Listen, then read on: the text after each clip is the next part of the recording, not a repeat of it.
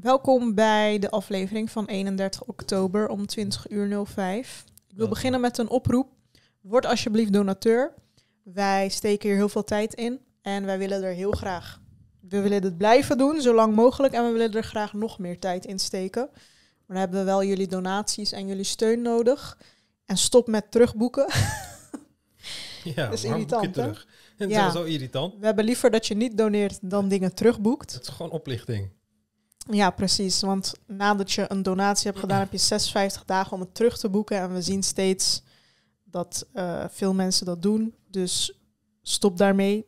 Dan hebben we liever dat je niet doneert. Ja. Ik weet dat je dan toegang wil hebben tot de extra afleveringen, maar dat is gewoon oplichting. Is niet oké. Doe dat niet. Eh, we willen heel graag beginnen met een kookshow. We willen ook ehm, bijvoorbeeld buiten dingen filmen, vloggen en zo, naar musea gaan. Maar ja, dat kost allemaal. Wij doen het allemaal vrijwillig in onze eigen tijd. En alleen al deze podcast opnemen en editen kost misschien wel bij elkaar 10 uur of zo. Dus wil je nou dat dit blijft? Wil je dat het overleeft? Vind je het leuk om te luisteren? Leer je er wat van? Het is maar 5 euro in de maand. Dat is niks. Het is echt weinig. En je hebt echt letterlijk, als je het nog nooit hebt gedoneerd, dan heb je 135 afleveringen aan gratis content gekregen. ja. Gewoon, dat is gewoon gecreëerd door gewoon heel veel energie. Letterlijk de zweet door mijn bilspleet is dat gewoon gecreëerd. Dus eh, iemand zei ook van, ja, maar jullie hebben toch advertenties op eh, YouTube? En dan dacht ik van, oh. Dat is 12 euro. ja, ik dacht van, oké, kijk, deze maand, we hebben de- de- deze maand wel goede eh, cijfers. Deze maand hebben we 11.206 views op YouTube, oké? Daarvoor krijg je 78 euro. Oké, dus dat is 78 gedeeld En door dat is 11 dan een goede 11.000. maand. Ja, dat is 0,007 cent per view. Dus dat is hoe weinig jou het, jouw tijd waard is voor YouTube wanneer jij zo'n advertentie bekijkt. 0,007 euro. Dat is echt letterlijk geen reet. En als genoeg mensen donat, doneren, kunnen we gewoon die advertenties uitzetten. Dan heb je gewoon nooit meer advertenties. Dan is het ook Ja. gewoon niet irritant meer. Kunnen we veel meer content maken, veel Ja. creatiever zijn. Dan kunnen we er meer tijd in steken. Ja, Ehm, dan kan jij bijvoorbeeld gewoon hier je fulltime werk van maken, bijvoorbeeld. ja Eh, bijvoorbeeld. veel leukere edits maken, veel leukere shorts maken. Maar nu, omdat we het allemaal in onze vrije tijd doen en omdat het amper beloont, ehm, Ja. Ja, dan heeft het ook niet echt een lange adem, zeg maar. Dus als je het waardeert, het kost echt niks. Je hoeft maar één koffie minder te drinken in het leven per maand. En dan heb je het alweer terug. Ja, inderdaad. En de return of investment van in de donateursgroep zitten is echt absurd. Gewoon de dingen die ik, eh, de, de dingen die ik voor de mensen daar fix en de manieren waarbij ze geld besparen dankzij mijn methodes en tips en allemaal dat soort dingen. Ja, Ik heb op zoveel mensen hun hele telefoons allemaal dingen geïnstalleerd zodat ze geen advertenties meer hebben. Zodat ze gewoon Spotify en YouTube en Soundcloud zonder advertenties hebben en weet ik veel wat allemaal. Ik heb voor zoveel mensen Office en zo gefixt op, op hun laptop. Waaronder jij net, vijf minuten geleden. ja. gratis eh, office. De gratis met de OV-reismethodes, die zijn helemaal, eh, helemaal in. De laatste nieuwtjes daarover, weet je. Olivier Mhm. gaat binnenkort naar Antwerpen gewoon eh, heen en terug helemaal gratis. Terwijl het hem normaal gewoon 120 euro zou kosten. Ja. Weet je, de return of investment is gewoon eh, heel erg goed. Als donateur Dus, eh, krijg je speciale aandacht voor jouw vragen. Je komt in de donateurschat. Dat is wat een wat kleinere, intiemere En groep. de donateurschat is fucking gezellig. Ja, Laatst gingen ze nog met z'n allen, gingen de meiden... gingen ze uit. Ja, gingen de meiden lekker uit en zo eh, naar een of De donateursgroep is veel hechter dan de algemene groep. Ja, is veel is intiemer. Iedereen, familie zo. iedereen deelt veel meer. Iedereen spreekt met elkaar af. Ja. Ehm, dus wil je gewoon echt onderdeel worden van de Ik Ga Leven family, dan moet je gewoon donateur worden. Je kan echt niet achterblijven. En daar wordt ook gewoon veel meer interessante dingen besproken. Ik praat Ja. alleen maar in de donateurschat de hele dag. Ik praat Ja. nooit in de algemene chat. ja, inderdaad. Dus wil je onderdeel worden van die chat, van die family, dan weet je wat je te doen staat. En je krijgt er ook nog eens extra content voor. Ja, je kan doneren via ikgaleven.backme.org. Dat is 5 euro in de maand. Ehm, dat is volgens mij het meest voordelig. Je kan lid worden via Spotify. Dat heb ik nu ook veranderd naar 5 euro per maand. Dus dat kan eventueel ook. Of je kan lid worden via YouTube. Via YouTube. YouTube pakt echt gigantisch veel. Eh, wanneer jij 5 euro per maand doneert, dan pakt YouTube daar meer dan de helft van. Dus je krijgt Oh. 2 euro nog wat. Ik kan het eigenlijk wel zien. Even kijken hoor. Eh, memberships. Dan krijg je 2,90 euro. Dus ze pakken iets minder dan de helft. Dus eh, dat is het minst geliefd. Maar ja, dat kun je ook doen. En je krijgt gewoon eh, alle afleveringen die je nu aan de onderkant ziet zo. Die, die kan je ook zien. Eh, die kan je zien wanneer je naar de, eh, de podcast pagina gaat op YouTube. Dan kun je alle subscriber-only afleveringen zien. Dus daar krijg je allemaal toegang tot wanneer je hebt gedoneerd. Ja, toen jij in Turkije was, heb je gevlogd voor de donateurs. Ja, Heb je hele straten van Istanbul ja ik heb gewoon zien eh, gelopen, eh, voor een uur lang gelopen en allemaal interessante dingen verteld. En eh, dat allemaal. Dus die zijn ook allemaal nog te vinden in de groep. Dus ja, dat. Ja, en we, gaan, we moeten ook sowieso veel meer content maken voor de donateurs alleen, Ja. vind ik. Ja. Zodat het eh, echt verschil maakt, zeg maar. Ja, Dus dat, als je donateur wilt worden, kun je gewoon Ummer DM'en op Instagram. Of op de link hieronder klinken, klikken, op de Telegram-link. Want dan kom je in de algemene Ja. groep. Als je hebt gedoneerd via ikgaleven.backme.org kun je mij gewoon een bericht sturen en dan krijg je van mij een link waarbij je de groep in komt. Ja. En daar staan eh, alle links naar de special episodes en zo. Ja, en wie weet hebben we dan hier op een dag een greenscreen. En dan kunnen we nog leuker, leukere video's maken. Ja. Ehm, ik wilde vandaag een video van Ismail Ilgun behandelen. Ja, vandaag gaan we Ismail Ilgun's eh, de, de Quran Miracles op zijn TikTok behandelen. Oftewel wonderen uit de Koran. En daar, daar heeft hij heel veel afleveringen van. Ja, even dit op. Duren ze allemaal heel lang? Nee, ze zijn allemaal heel kort, Oh, maar ze zijn eh, wel leuk om te behandelen, want eh, ze zijn echt zo absurd. Ze zijn echt extreem absurd. Ik ben heel benieuwd wat hij te vertellen heeft. Maar ehm, ja, kijk, ik. Kijk, elke keer. Ik ga echt mijn best doen om dingen niet. Want ik begrijp het, hè. Ik kom echt denigrerend over. En soms zeg ik van, oh, dit ik doen en weet ik veel wat allemaal. Maar het is heel moeilijk. kijk, ik leef in zo'n positie. ehm, waarbij, kijk, we kunnen allemaal rekenen, toch? We kunnen allemaal met z'n allen rekenen. En als er gewoon een filmpje zou zijn op het internet waarbij iemand zegt van 5 plus 5 is 51. Want 4 plus 4 is 83 en 3 plus 8 is 51. Weet je, als iemand zoiets zou zeggen en ik zou zeggen van Jezus Christus, deze persoon is zo fucking dom. En ik zou er boos om worden, omdat enorm veel kinderen dat liken en zeggen van ja, je hebt helemaal gelijk en weet ik wat. Dan begrijpen jullie allemaal van, oké, kijk, je noemt de persoon dom. Oké, wat hij zegt is ook heel erg dom. Want de domheid is te zien voor heel veel mensen die gewoon wiskunde begrijpen. Mm. Bij wetenschap is dat heel anders. Kijk, wij weten bijvoorbeeld van als iemand zegt van... Als mensen van apen komen, waarom zijn er dan nog apen? Dat is een fucking domme vraag. Maar als je niet weet waarom het een domme vraag is... dan zou het gemeen klinken wanneer ik zeg dat het een fucking domme vraag is. Want het is een domme vraag. Het is een domme vraag. Het is... It, it, it does- it doesn't make sense whatsoever. Het is alsof je zegt, als chihuahuas van wolven komen, waarom zijn er dan nog wolven? Weet je, het is gewoon echt een domme vraag waar je niet over hebt nagedacht. Maar wanneer ik dan zo hem ga op deze mensen, want ze, ze, ze proberen mijn veld, proberen ze zwart te maken en ze proberen eh, erin te, ja, hoe zou ik dat zeggen, te schermen of zo. Ze proberen mee te doen de, eraan, terwijl ze er helemaal, terwijl ze bewijzen er helemaal geen kennis van te hebben. Dus dat maakt mij vaak kwaad.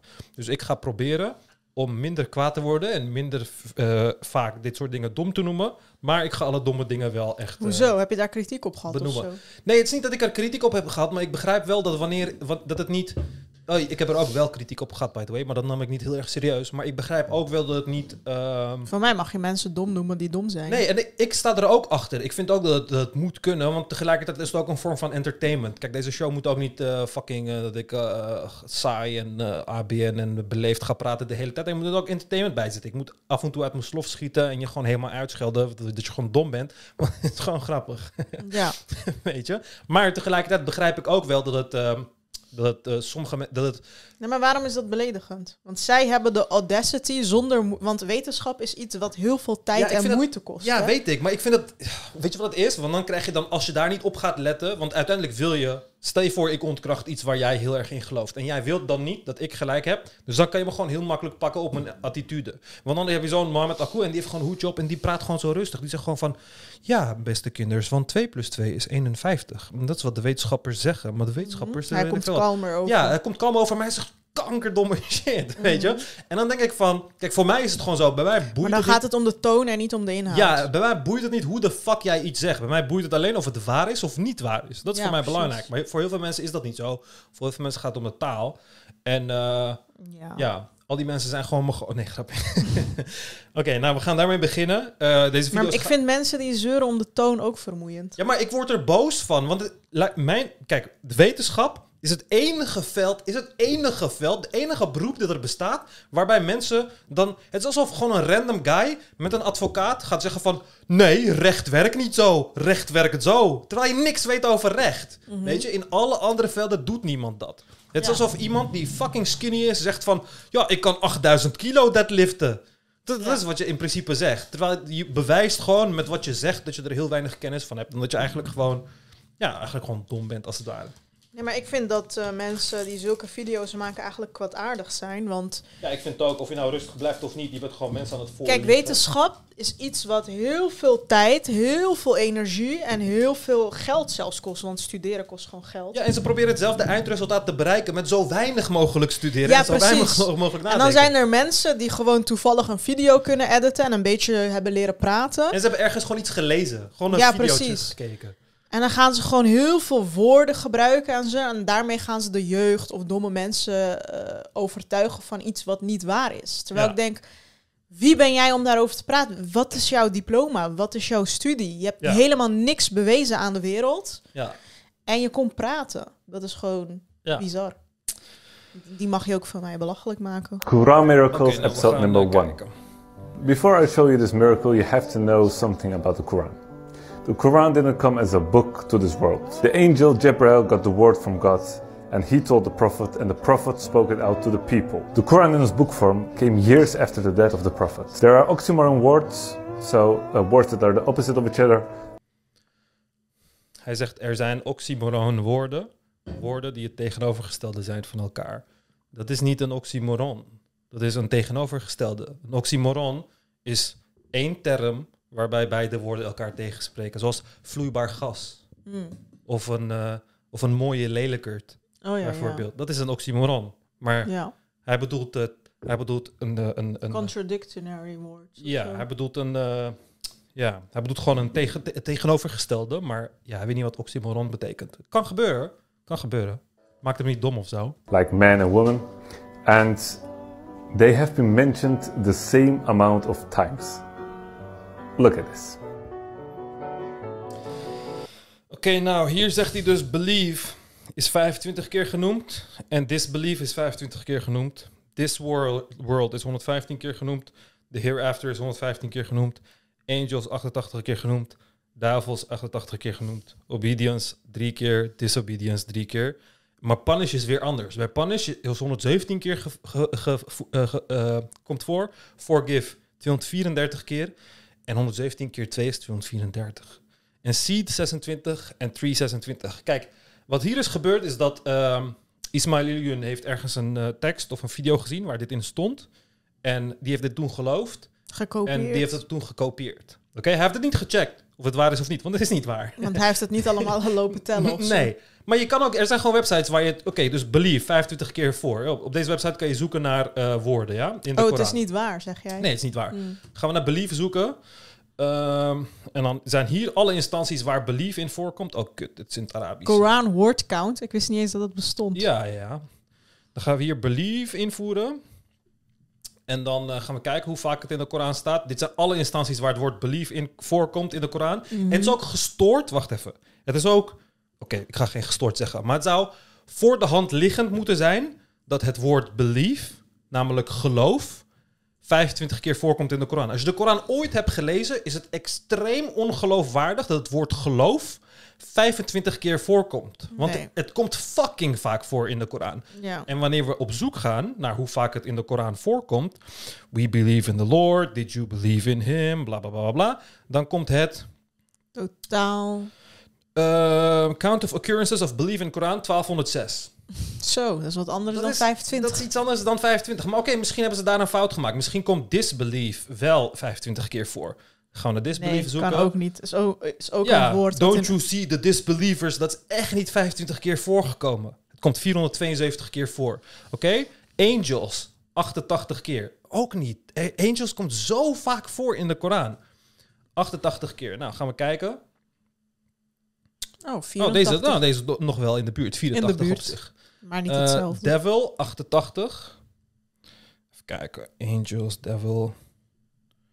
88. 83 keer in de Koran. Dus dat is niet hetzelfde als de 88. nee. Obedience 3, Disobedience 3. Waarschijnlijk Sowieso ook niet drie niet. keer.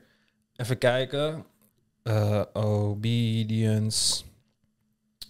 Obedience komt vijf keer voor. En disobedience komt twee keer voor. Oké, en dan seed en tree. Tree eh 26 keer zegt hij bijvoorbeeld. Eh, tree eh 33 keer.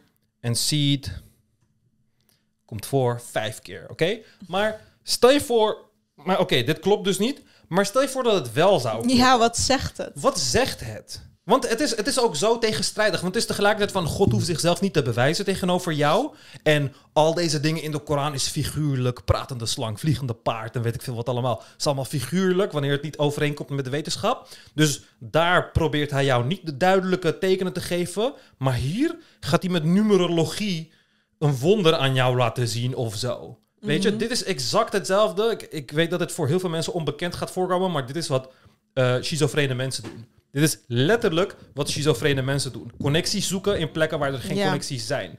Gaan ze woorden tellen en dan berekeningen maken. En als je die bij elkaar optelt, dan krijg je 234 en weet ik veel wat.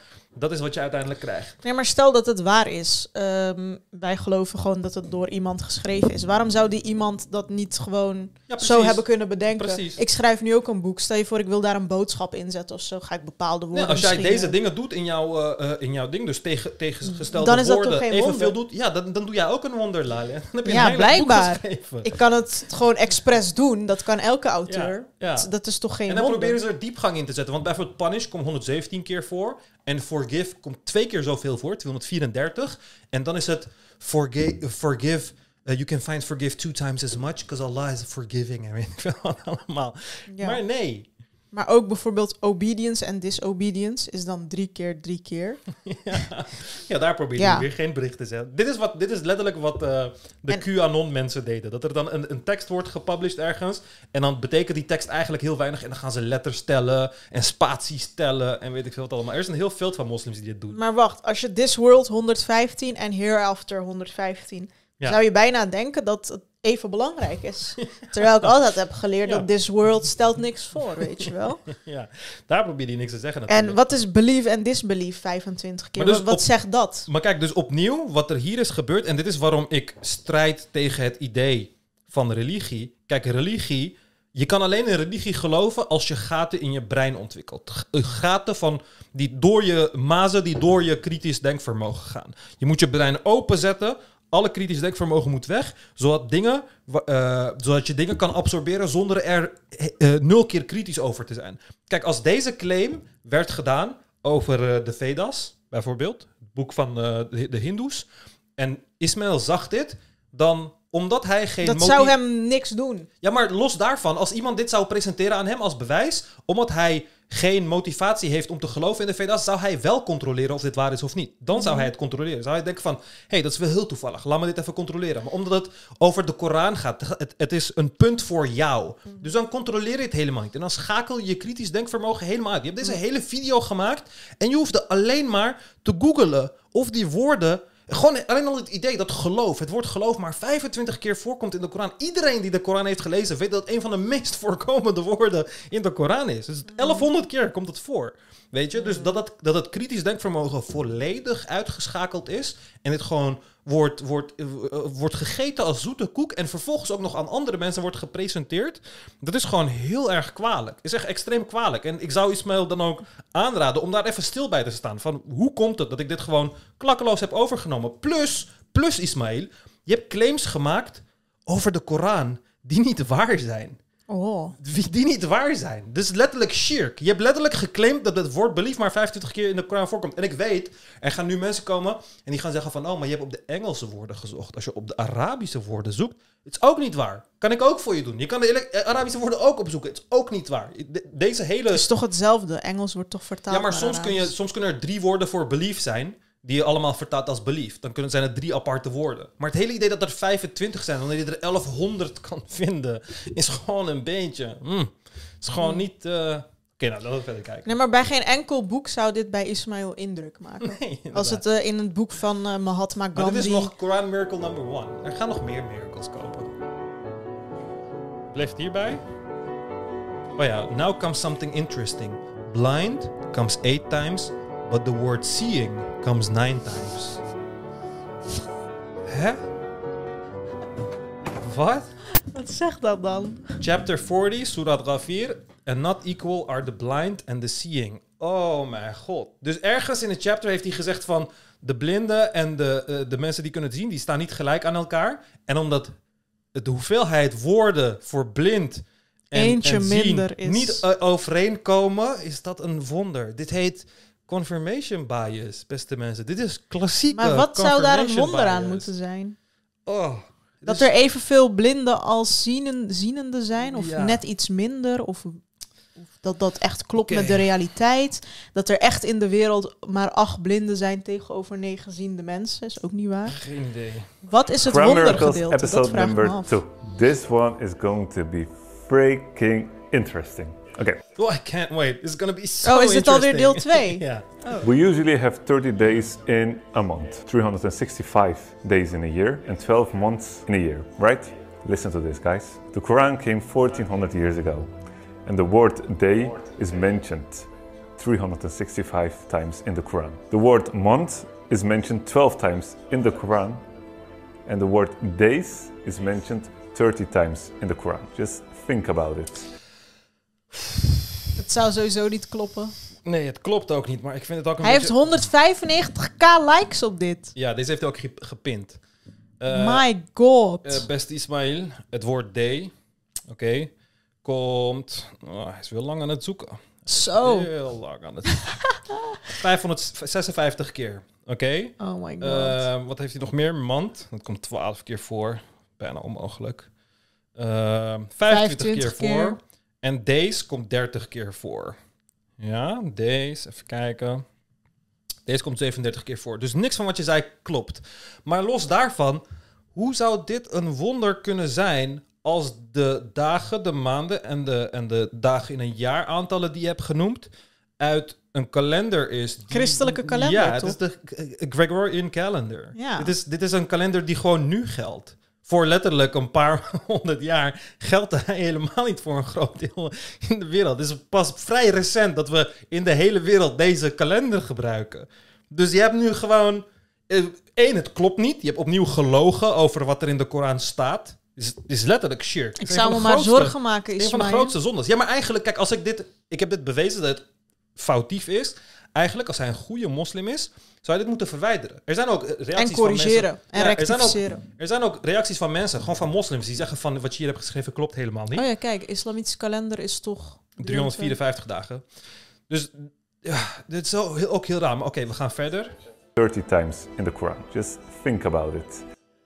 Just think about it. Maar jij moet erover nadenken. Want je hebt er helemaal niet over nagedacht. Je hebt iets gelezen op het internet. Je hebt, niet ge- ge- je hebt het gewoon niet gecontroleerd.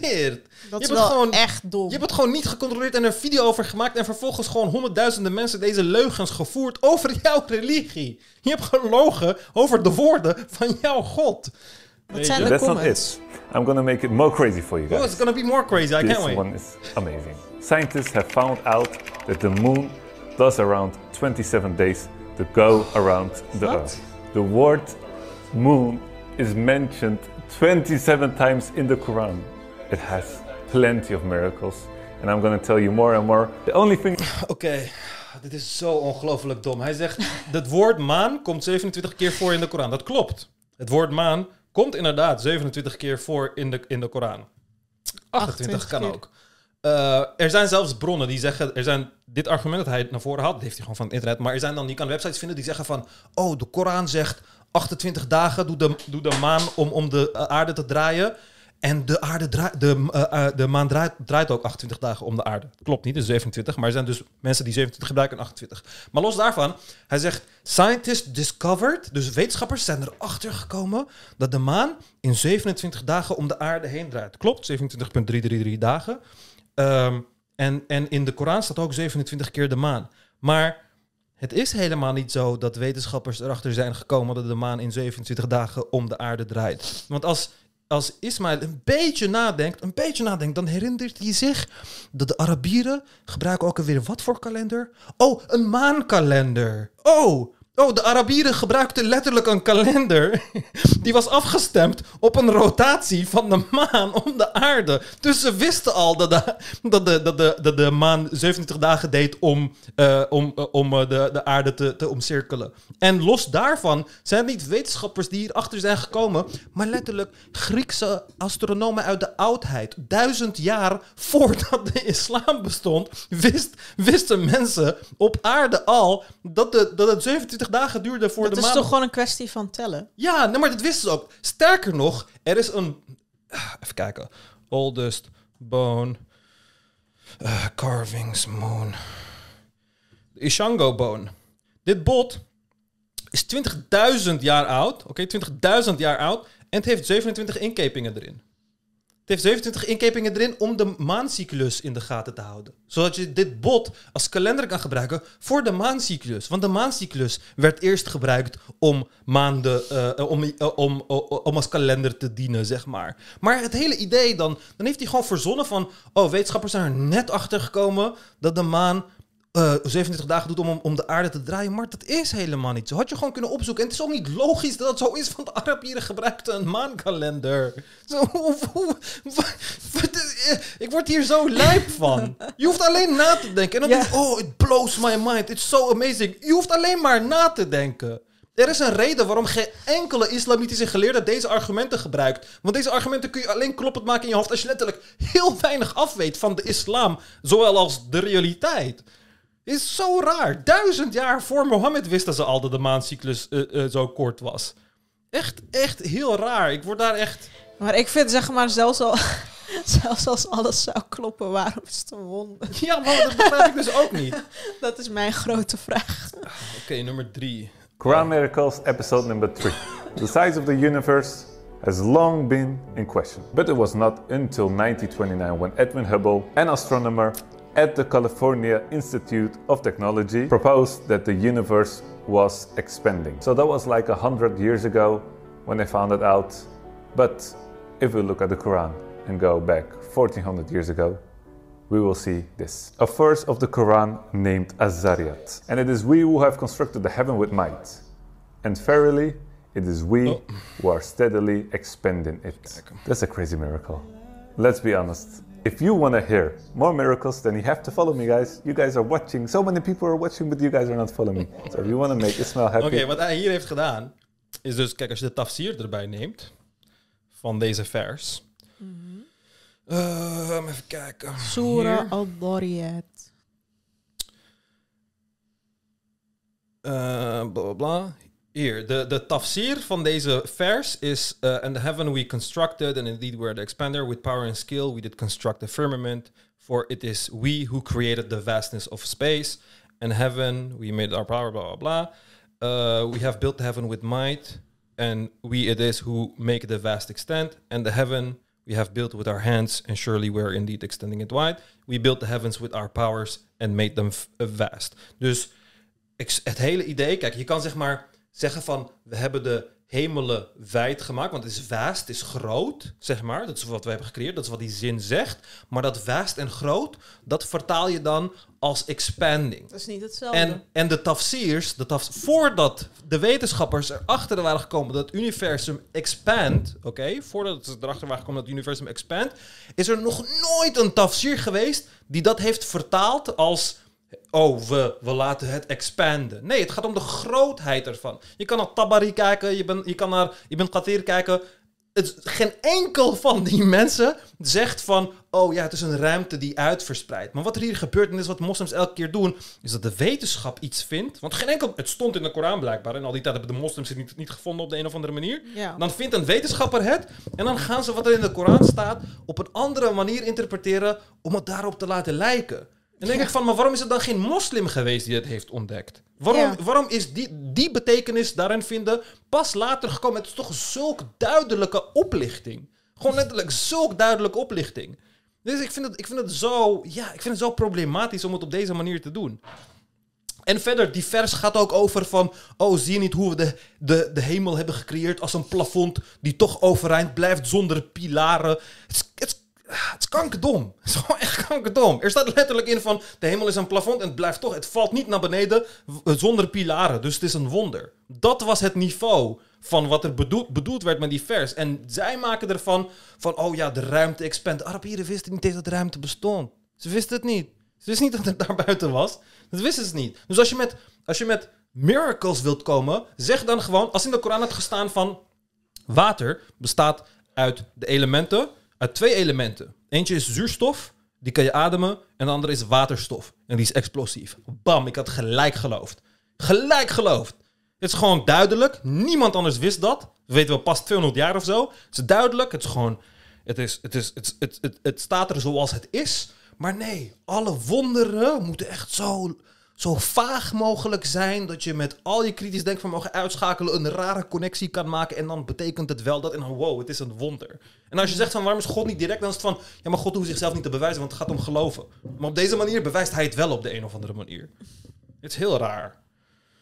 Oké, aflevering 3. Nu zijn we bij aflevering 4. Quran Het zijn Miracles, episode number four. Thank you so much for the support and the reactions. You guys are loving it, and I'm loving it too. But let's get to the point. This one is short but interesting. The protective capabilities of the sky were only discovered in the 19th century.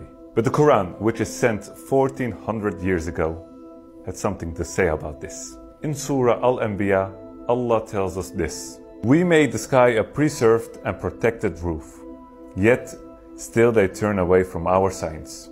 So, for all the non believers, don't Oh, ignore the signs. Wedden dat hij dit allemaal heeft gekopieerd van Ja, iemand? dit zijn gewoon hele bekende argumenten van het internet. Hij heeft deze op het internet gezien. En geen enkel daadwerkelijk goedgelovige, geleerde moslim gelooft in deze argumenten. Want het zijn, dit zijn argumenten voor domme moslims. Voor moslims die zo weinig mogelijk over hun religie weten. Dus connecties zoeken met de wetenschap om de religie te verklaren. Zeg gewoon, ik geloof wat erin staat. Het maakt net wat, er, wat wetenschap zegt. Zeg dat, dat is wat geloven inhoudt. Er, sta, er is letterlijk een vers waarbij die zegt van... We hebben een... We, we made a sky preserved and protected roof, yet still they turn away from our signs. En dan koppelt hij dat aan dat de atmosfeer ons beschermt. Nee, er was een lucht. Oh, is dat de koppeling? Ja, er was gewoon een lucht. En dat hebben letterlijk alle volkeren gedaan. Hè? Er zijn letterlijk, dat heb ik in die aflevering over Koran dingen ontkracht ook gezegd. Er zijn hele dingen over dat mensen, onzichtbare wezens, de, de lucht omhoog houden zo. Want de lucht werd altijd gezien als dak. De reden waarom dit zo wordt gezegd, preserved in a protected roof, is omdat men zich altijd afvroeg hoe het kon dat de dingen in de lucht niet vielen. Dat de maan niet viel en de zon niet viel en de sterren niet vielen. En af en toe zag je een vallende ster. En die kwam niet op de grond, die zag je gewoon in de lucht. Dus dan lijkt het op een dak die jou beschermt. Dat is waar het op lijkt, snap je? Maar om dit dan te koppelen aan de protective capabilities of the atmosphere. Jezus Christus, zo ver kan je gewoon niet gaan. En, en zo ver zou je ook niet gaan als deze zin stond in elk ander gelovig boek, boek waar je geen bias in hebt. Zou je nooit zo ver gaan. Maar hier ga je wel zo ver. Want je moet het, moet, je moet het gewoon waarmaken voor jezelf. Ja, maar het woord protected roof, dat is toch niet gelijk de Het is sowieso geen dak. De atmosfeer is geen dak, het is rond. Het feit dat je het als dak beschrijft, betekent dat je denkt dat de aarde plat is en op je, op, op je ho- hoofd heb je een dak. Maar niemand, geen enkel, niemand zou de atmosfeer van de aarde beschrijven als dak. Want dakken encapsulaten je niet als een, als een sfeer, zeg maar. Zo werkt dat niet. Ja. is zo raar. Quran Miracles, episode number five. The eyes of camels were so wonderfully created that it has a third eyelid that it uses during the sandstorm. Even if it closes its eye, it still can see its front very clearly because this eyelid is transparent. In the Quran, there is a verse about camels, and it says, Do they not look at the camels how they were created? I can tell you one thing it is not that Oké, oké, people wacht. don't see it. Er staat aan de Koran, er staat in de Koran, do they not look at the camels, how they were created. Dat is wat er staat. Dat is het enige wat hij aanhaalt. Kijk je niet naar de kamelen, hoe zij zijn gecreëerd. Dat zegt niks. Ja, vervolgens komt hij met kamelen Oogleden. hebben een derde ooglid en die beschermt hun ogen tegen de zand. Dit klopt, dit klopt 100%. En dan zegt hij ook, hij maakt daar ook een fout. Hij zegt van, wanneer het, eh, wanneer het gesloten is, kunnen ze nog steeds perfect zien. Even kijken. Very clearly. Even when the eyelid is closed, it can see its front very clearly. Dit is onzin, want de eyelid is wel transparant, maar vrij opaak ook. Dus je kan er niet perfect doorheen zien. Maar oké, dat is een domme fout. Maar los daarvan, dit ooglid vind ik bijvoorbeeld heel mooi, want dit is een overblijfsel van de evolutie. Maar dit ooglid hebben alle vissen, alle reptielen, alle amfibieën, alle vogels en sommige zoogdieren. Oké? Er zijn een paar primaten die het hebben, de meeste primaten hebben het niet. Jij hebt het nog steeds. Als je in je oog kijkt, hier ergens, dan heb je hem nog steeds. Dit heeft een naam. Eh, even kijken hoor. Third eyelid vestigial. Ik hoor dit te weten. Dit heb ik allemaal in biologie gehad, maar ik weet niet hoe het heet. Ehm, vestigial. What's the name? Oh ja. Nictitating membrane. Oké, de nictitating membrane. Die kan je foto's zien. Dit is een normale oog. Hier gaat het derde ooglid eroverheen. Je ziet dat het heel erg wazig is. Dus als je er perfect doorheen ziet, is onzin. Je zou het net zo goed zien als door een extreem vieze zonnebril, als het ware. Maar oké, dus de kameel heeft het ook. Honden ook, katten ook. Maar los Adelaren daarvan... ook blijkbaar. Ja, alle vogels hebben het. En de mens heeft het ook, maar wij kunnen hem niet sluiten, zeg maar. Hij is gewoon overgebleven, want hey, onze voorouders, wat dus vogels, reptielen, we delen dezelfde voorouder, die hadden dat ook en daarom is het overgebleven. dat is wat vestigial betekent. Is overgebleven van de evolutie. Dat is de reden waarom we nog een, eh, een, een staartje hebben, zeg maar, waar je op kan vallen, een stuitje hebben. Dus er staat, kijken niet naar de kamelen hoe we deze hebben gecreëerd. En dan en dan vind je iets dat een kameel een derde ooglid heeft of zo. En dan betekent het dat. Maar Er staat ook niks over ogen. nee, er staat helemaal niks. Het is gewoon, kijk naar de kamelen hoe ze het hebben gecreëerd. En dat is logisch, want er waren alleen kamelen. En dan is het van, kijk, het is een kameel. Kijk, hij kan een week zonder Het is water. een eh, boek wat afkomstig is van Arabieren. Die zien heel veel Ja, kamelen om zich heen. Ik snap sowieso niet waarom hij de connectie met ooglid maakt. Want ze kunnen met kijk naar kamelen hoe we hem hebben gecreëerd gewoon bedoelen van... Oh, kijk, ze zijn gewoon heel goed adapted om in de woestijn te overleven. Ze kunnen een week zonder water. Ja, dat ook ja, kunnen gebruiken. precies. Wat is daar wonderlijk aan? Ja, maar het is, het, is zo, het is zo raar om dan dit... Zo, het is zo raar. Je ziet toch dat er echt nul connectie zit tussen die twee dingen. Het is letterlijk alsof er in de Veda's staat van...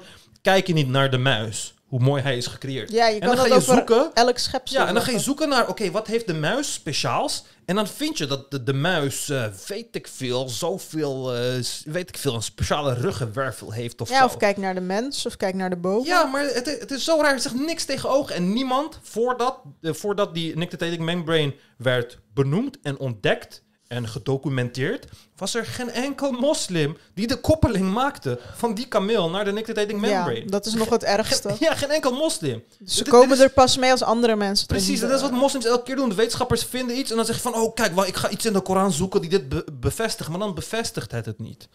Iets wat je op letterlijk 250 andere manieren kan interpreteren. Nou, episode 6. Quran Miracles, episode number six. Thank you all for following me and uh, welcome. Welcome to my channel. The Prophet told the people 1400 years ago this He has let loose the two seas, converging together. With the barrier between them, they do not break through. Someone that has never been to Denmark before. How could he know this? Hij zegt ook... Someone that has never been to Denmark before. Alsof het alleen in Denemarken gebeurt. The two seas that don't mingle with one another has only recently been discovered by oceanographers. Oceanographers, something like that. I don't know what it is. Because of the physical force called surface tension.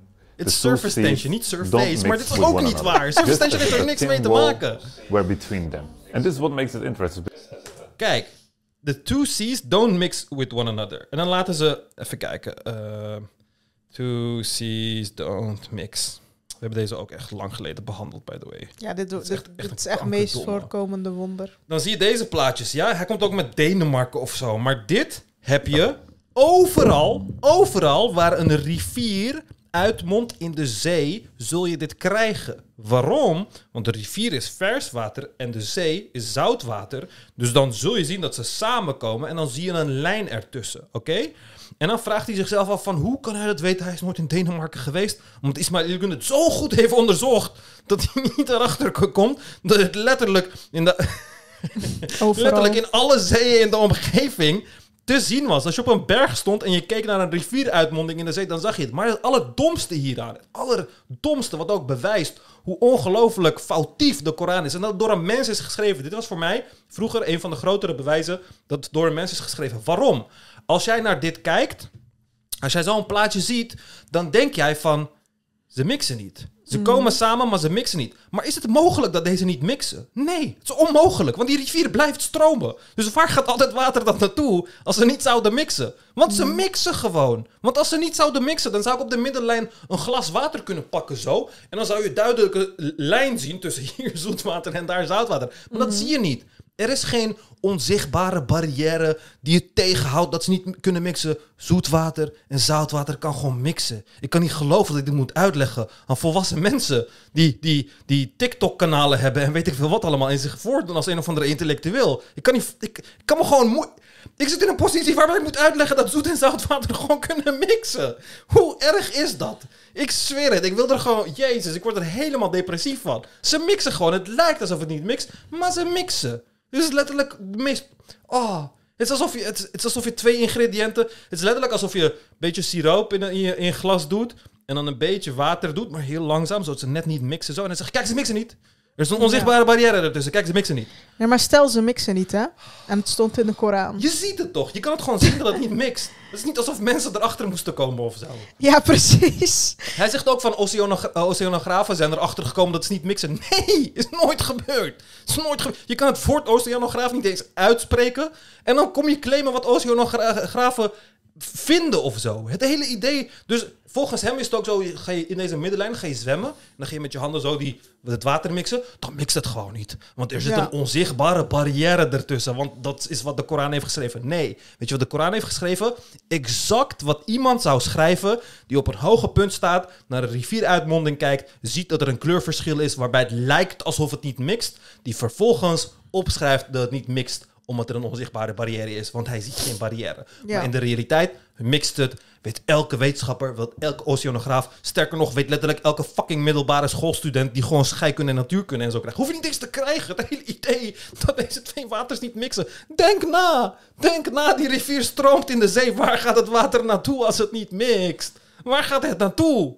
Ja. Het is zo, het is, het is zo raar. Het is zo'n rare manier van nadenken. Ik word er helemaal lijp van. Nee, maar stel, ehm, stel ze mixten echt niet. Het is voor mij alsof je zegt, kijk, eh, we hebben een, eh, als je een zaadje plant, komt er een bloem uit. Of kijk naar de bergen, hoe hoog ze Ja. zijn. Het zijn gewoon dingen die je ziet in de natuur, die je niet kunt verklaren. Een zee en een rivier die niet mixt, Ja. zogenaamd. Ehm, en dan schrijf je dat op. Maar het is gewoon iets wat je kunt zien. En dat is dus geen wonder. Nee. Draag open wat ik echt, echt fucking heet van deze Israël. Jezus Christus. Oké toch. Ja, maar kijk, ik ben niet eens, ik ben niet eens bo- boos op wat hij deze dingen eh, vindt of zo. Of erin is getrapt. Daar ben ik niet eens boos op. Het feit dat hij het, dat hij het verspreidt. Ja. Hij liegt tegen mensen. Je liegt tegen mensen. En dat is verkeerd vanaf mijn kant, want je liegt letterlijk over velden waarin ik me in bevind. Maar het is ook slecht vanaf de islamitische kant, want je liegt over de Koran. Hij zegt hier ook van dat de researchers zeggen van just, eh, just as if a thin wall were between them. Nog, ik kan je garanderen dat nog Set nooit. by researchers. Set by researchers, ja. De Wel- researchers. welke? Ja. Naam, achternaam, rugnummer. Set by researchers. Zo fucking raar. Because in the Quran, it doesn't just say that they don't mix with each other. It says, with the barrier between them, they do not break through. You know, you gotta look to the Dus er is een barrière tussen deze twee waters waar het water niet doorheen kan. Dus, oké Ismail, denk goed na, ja? Je gaat daar zwemmen, je hebt die twee waters. Is daar een barrière, beste Ismail? Is daar een barrière waar het water niet doorheen kan? Of denk je dat als je daar staat en je met je hand zo gaat fucking mixen, dat het gewoon fucking mixt? Er is geen bar welke barrière? Maar het is een onzichtbare barrière. Oh, ik word daar zo lijp om. Gebruik je hersenen. Gebruik gewoon je hersenen. D- dit is waarom ik echt een probleem heb met religie. Want het zorgt ervoor dat je je brein op zo'n manier inschakelt. Kijk, normaal zou hij kritisch kunnen nadenken. Altijd. Als het hem goed uitkomt, zou hij kritisch kunnen nadenken. Ja. Maar bij religie ga je het volledig uitschakelen zo. En dan geloof je in fucking onzin. Dan ga je zulke rare dingen zeggen. Ik had een look to the details. Ja, je hebt echt goed naar de details gekeken, man. Ik schrik echt van die comments. Wauw, en dan huilpoppetjes. Ja, maar het zijn kinderen. Brown Miracles, episode number seven. Thank you guys so much for following. 40,000 followers. It is insane. Thank you guys so much. 100 years ago, the world's best scientific minds taught that the universe had always existed. Since it always existed, it didn't need a creator. But Einstein changed all that. His field equations suggested that the world was expanding like a balloon. Einstein and the Belgian priest George Lemaitre, Ja, hebben we deze niet they realized that his expansion had to have started from somewhere. It must have come from an initial dense point. This idea became known as the Big Bang. But the Quran told us 1400 years ago this. Do not the disbelievers see that the heavens and the earth were a closed-up mass, Ratkan? Then we opened them out, and we made from water every living thing. The Arabic word Ratkan means closed-up mass. It also means darkness. A dark closed-up mass is a perfect description of what we know the universe looked like in its earliest moments. Oké. Allereerst, ik weet niet of hij ooit heeft gelezen hoe creatie zich, eh, eh, zich afspeelt in de Koran. Maar de Koran zegt dat de lucht en de aarde één was. En dat God daaruit de aarde creëerde en daarna de lucht. Dat is wat er in de Koran staat. Maar de lucht is vier keer zo oud als de aarde. What the fuck? Ik weet je dit aan de Big Bang. Hoe? Hoe? En hoe kan je zeggen van, oh ja, Einstein en George Lemaitre zijn erachter gekomen dat de Big Bang is, maar het stond al in de Koran. Maar hoe stond het in de Koran als Einstein en George Lemaitre erachter zijn gekomen? Waarom is geen enkel moslim erachter gekomen? Omdat in geen enkel tafsir ze het op deze manier interpreteren, because it doesn't make sense. Je kan dat niet koppelen aan de Big Bang. Het gaat daar letterlijk om de aarde en de lucht, dat het gecreëerd was. Maar de lucht, toen de lucht gecreëerd was, hè, 14 miljard jaar geleden. En de aarde, dus 3,7 miljard jaar geleden. Daar zit zeg maar 10 miljard jaar tussen. Terwijl de Koran zegt dat het twee waren. En dan de aarde werd gecreëerd en dan de lucht. Dat is zo tom. En dan, er staat hier nog tekst. Dan zegt hij ook van, in de Koran staat... Did you not see how we made uh, every living thing from water? Dan schrijft hij hier, the verse uh, further says... Water is the basis of life. This is now an accepted scientific fact. When NASA looks for planets that can bear life, they look for water. Uh, zeg maar, ja, wacht. Er is straks eentje. Ik ga hem daarop pakken. Ik, laat deze nu gewoon. Straks gaat hij deze herhalen op een nog dommere manier. Dan gaan we hem daar. Oh ja, nou hier. Quran Miracles episode number 8. I want to thank you guys all for following me. We hit 63,000 followers, and that is insane. I just can't believe it. It went so fast. And you guys like the content, so here's another one. In Surah Al Anbiya, it was revealed we made every living thing from water. Will they not believe? And it was only after the discovery of the microscope that it was concluded that all living things consist mostly of water. Well, in the deserts of Arabia, the last thing a man could guess is that all life came ultimately from water. So, Ik vind dit echt een getuigenis van hoe extreem gestoord deze manier van denken is, oké? Ten eerste, in de Koran staat alle levende dingen zijn uit water gemaakt. En dan zegt hij van, oh ja, wetenschappers zijn er nu pas achter gekomen. Eh, Nieuwsflash.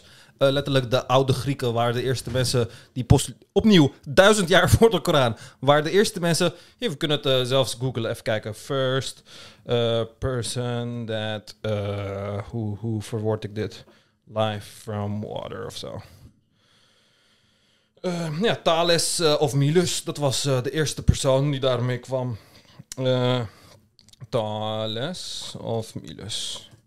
Dus, en hij leefde eh, ja, 600 jaar voor Christus, dat is duizend jaar voor Mohammed. Ging iemand die niet religieus was, die ook niet claimde met God gesproken te hebben, die kwam tot de goddelijke ontdekking dat al het water, dat al het leven uit water komt. En vervolgens zegt hij, hoe kunnen Arabieren die in de woestijn wonen weten dat al het leven van water komt? En ik vind het zo, dit doet pijn in mijn hoofd. Oké, ik ga je uitleggen, ja, ik ga je uitleggen.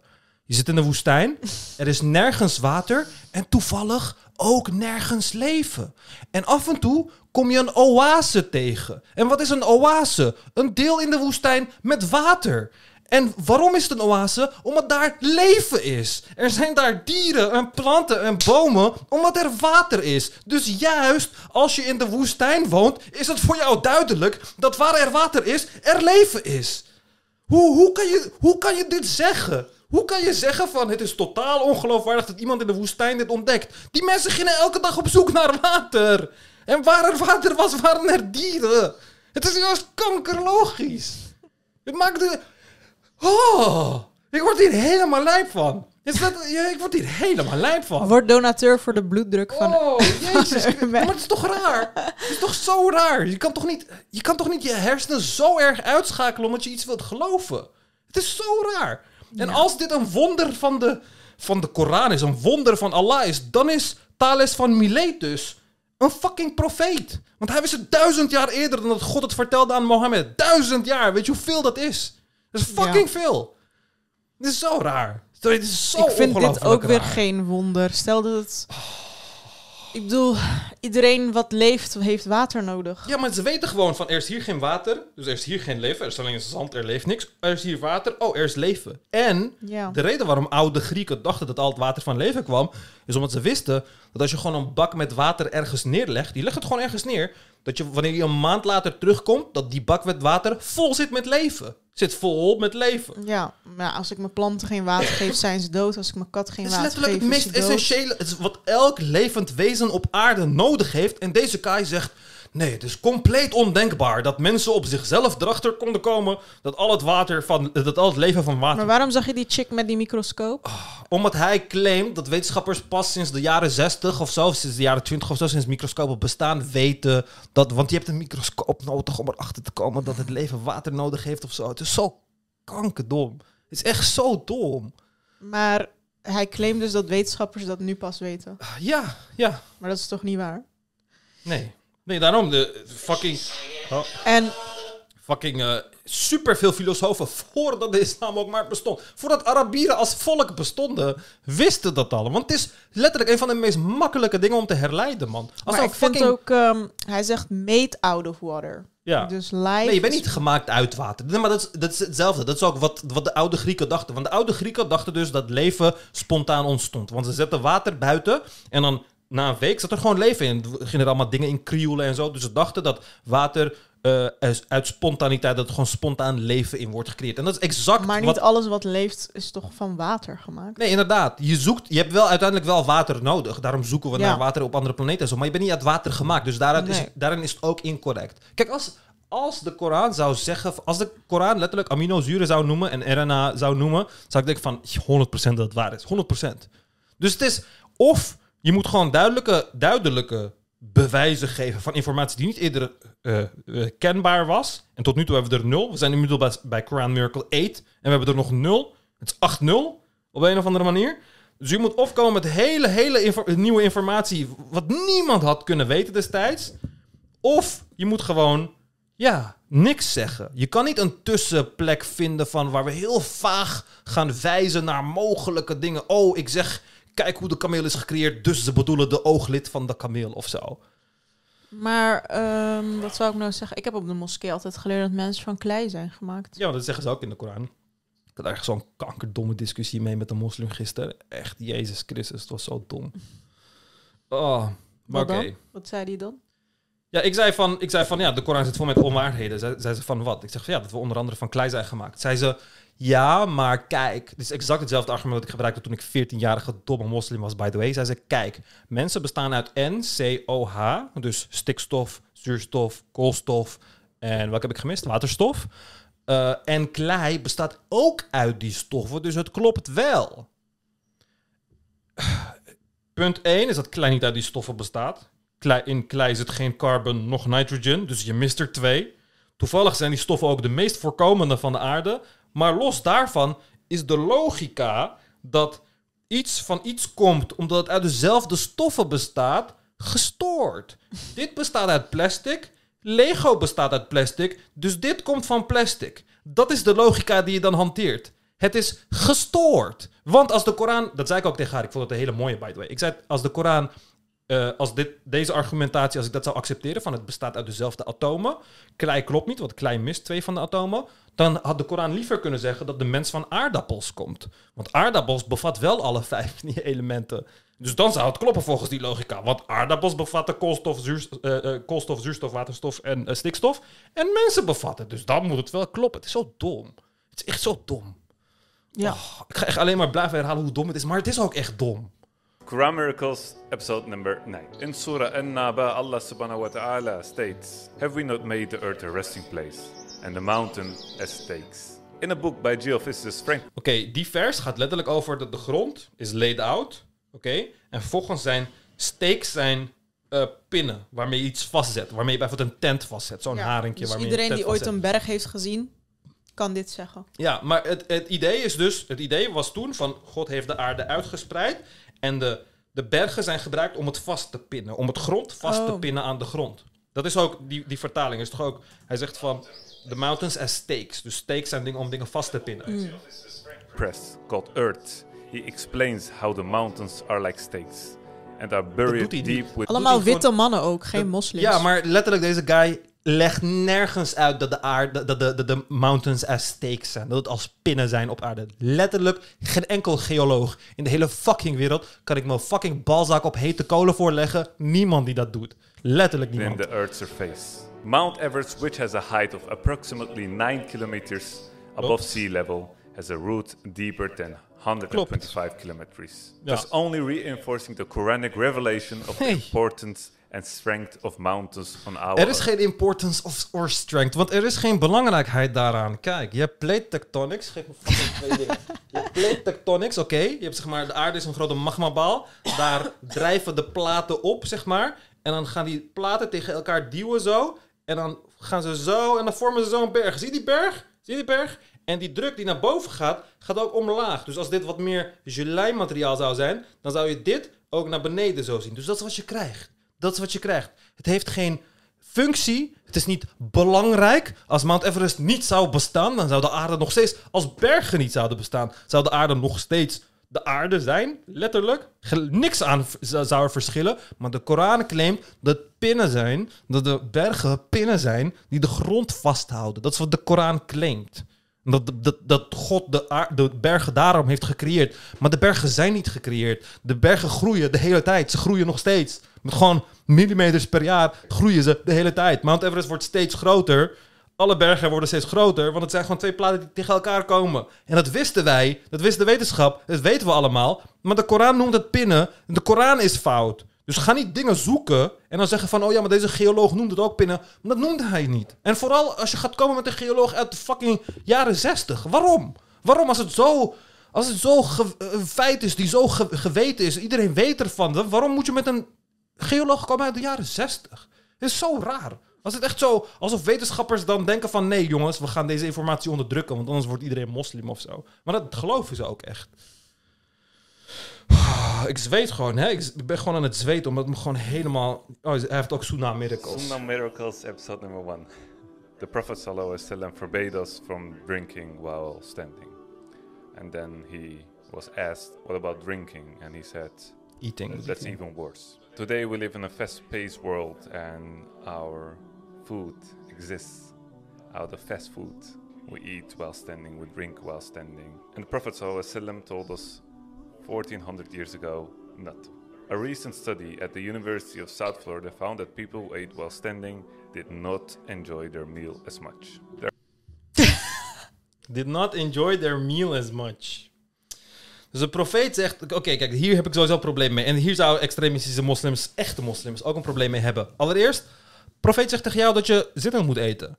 Hij zegt niet tegen jou dat het een betere gezondheid is of zo. Dat zegt Ja. hij niet. Nee, je doet gewoon wat de fuck God en de profeet zegt. Dat is wat geloven is. Jij bent hun dienaar. Jij bent een slaaf. Jij moet knielen tot Allah en zijn boodschapper. Knielen, op je knietjes staan met je kont in de lucht. Je bent hun slaaf. Zij hoeven jou geen argument te bieden waarom iets goed is of niet goed is. Dus ga er niet naar op zoek. Want wanneer je er naar op zoek gaat in de wetenschap, dan doe je alsof je er niet genoeg in gelooft en wetenschap nodig hebt om dat te ondersteunen. Dat als eerste. Je eerste argument is dat mensen die staan minder genieten van hun voedsel. Hoe dom is dit? belangrijk. Hoe dom is dit? Dit is zo raar. En vervolgens gaat hij komen met cortisol. Dat is ook niet waar, by the There are also many other studies which have concluded that eating while standing is bad for your health. One study found that standing up while eating stimulates the production of stress hormone cortisol, which may cause you to become less perspective to a food temperature perceptive and taste. Eating while standing up may also lead to overeating. This is because standing can cause you to eat faster than you normally would if you were sitting down, which may result in overeating. If you like this video, then give it a Waarom was overeating sowieso een probleem in de woestijn wanneer niemand overgewicht had en je gewoon er genoeg eten was, zeg maar, om de dag doorheen te gaan? Maar los daarvan, deze studies zijn ook niet waar. Ehm, zittend eten heeft voordelen en nadelen. Staand eten heeft voordelen en nadelen. Liggend eten, wat de preferred method was in de tijden van Rome en zo, heeft zijn voordelen en nadelen. Wanneer je staand eet, dan kleert je maag sneller. Je maag kan sneller leeg worden, omdat de, de route naar jouw maag unrestricted is. Terwijl wanneer je zit, je allemaal verschillende bochten wringt, zeg maar. Dus het heeft voordelen en nadelen. Maar het hele idee dat staand eten slechter voor je is, nergens bekend in de wetenschap. Gewoon nergens bekend. Sterker nog, we hebben helemaal niet, we kunnen nooit zulke conclusies maken van dit is beter of dit is slechter, want het is altijd fucking genuanceerd. Het is altijd genuanceerd. En het hele idee van als je staat, dan maak je meer cortisol aan of zo. Ja, meeste mensen die staand moeten eten, die zitten in een stressvolle situatie waardoor ze staand eten. Omdat ze moeten hollen naar werk en weet ik veel wat allemaal. Maar als jij in je woonkamer zit of staat eet, betekent het niks. En los daarvan, nogmaals, de profeet zegt niet dat je dat moet doen omdat het slecht is voor je gezondheid. Want Ja. de profeet was geen dokter, nog fysioloog, nog whatever. Hij zegt het gewoon omdat hij het zegt. Het is gewoon, hij zegt het en jij moet het doen. Hoe, wie de fuck ben jij dat je dat niet gelooft en bewijs nodig hebt van de wetenschap? Je bewijst gewoon telkens dat je niet echt gelooft in de religie. En wetenschappelijke bewijs, het succes van deze reeks bewijst dat. Je hebt gewoon wetenschap. De wetenschap van Kufaris heb jij nodig om jou te doen overhalen dat de profeet toch gelijk had. Dat is gewoon letterlijke shirk gewoon dit. Wallah, SO naar jou. Oh, Eerste comment. Quran nog één. Miracles episode number 10. In Surah Al-Hadid, Allah subhanahu wa ta'ala says, We send down iron with its great inherent strength and its many benefits for humankind. According to Warrant, iron is not natural to earth. Eh, eerst, dat is niet natural, het is natural. Laten we killt mij. Ja. Eh, ijzer is not natural to earth.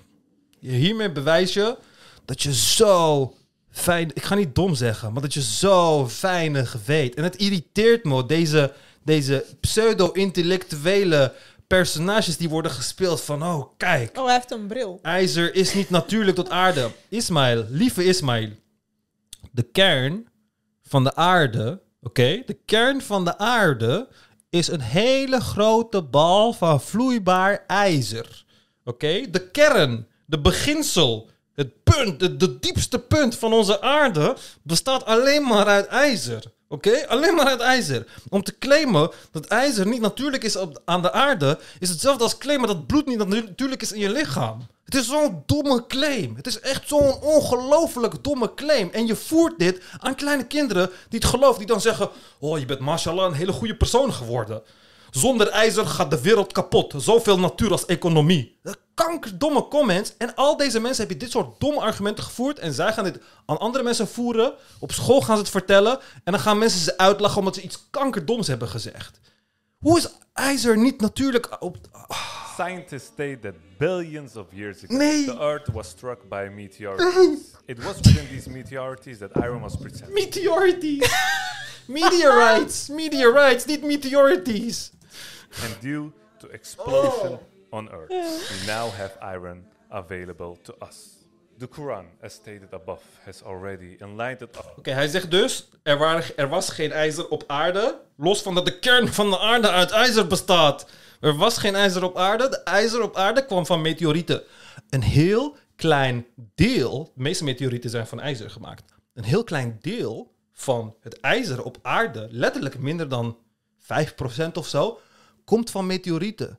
Maar ijzer zit gewoon in de aardlagen van de aarde. Want zeg maar, ah, Nucleosynthesis, dat is het ontstaan van stoffen in de kern van sterren. Dat begint bij waterstof, dat wordt dan helium, en dan ga je naar zuurstof en dan ga je naar zwaardere elementen en dat stopt dan bij ijzer. IJzer wordt geproduceerd in de kernen van sterren. IJzer is het meest stabiele element, het wordt daar geproduceerd. Het is gewoon simpele nucleosynthesis. Je hebt geen idee wat de fuck dat betekent, maar het is heel simpel eigenlijk, maar je weet het gewoon niet. Het wordt daar geproduceerd, sterren ontploffen, dat zorgt voor eh, eh, eh, stof, als het ware, in, in, de, in de ruimte. Dat, dat verandert zich in meteorieten en weet ik veel wat allemaal. Of het vormt planeten. Wanneer planeten zich vormen, hebben ze altijd ijzer erin. Altijd. Er is geen enkel planeet in het universum waar geen ijzer te vinden is. Het is onmogelijk om een planeet te vinden waar geen ijzer te vinden is. Want het ligt aan de basis van een planeet. Daarom is de kern van onze planeet vloeibaar ijzer. Dus om dan te claimen van... En weet je wat er dan is gebeurd? staat in de Koran van... Zie niet hoe wij eh, ijzer uit de lucht hebben gezonden? Los van dat je die gezonde, uit de lucht gezonde nu letterlijk interpreteert. Terwijl alle andere keren, wanneer ze zeggen... Zie niet hoe wij het hebben gezonden? Niet letterlijk interpreteert. Wanneer ze een, een, een profeet hebben gezonden... dan denk je ook niet van... Oh, hij is uit de ruimte gekomen of zo. Of wanneer ze een schaap hebben gezonden... omdat iemand werd verteld dat hij zijn zoon moest eh, opofferen... dan denk je ook niet dat er een schaap uit de ruimte komt. Maar hier kies je wel voor de letterlijke, letterlijke ding. Maar ook al zou het letterlijk zo betekenen... Iedereen wist dat meteorieten van ijzer waren. Dus het is heel logisch dat mensen dachten... Want als je een meteoriet vond, was die van ijzer. Sterker nog, de eerste dingen die wij van ijzer hebben vervaardigd...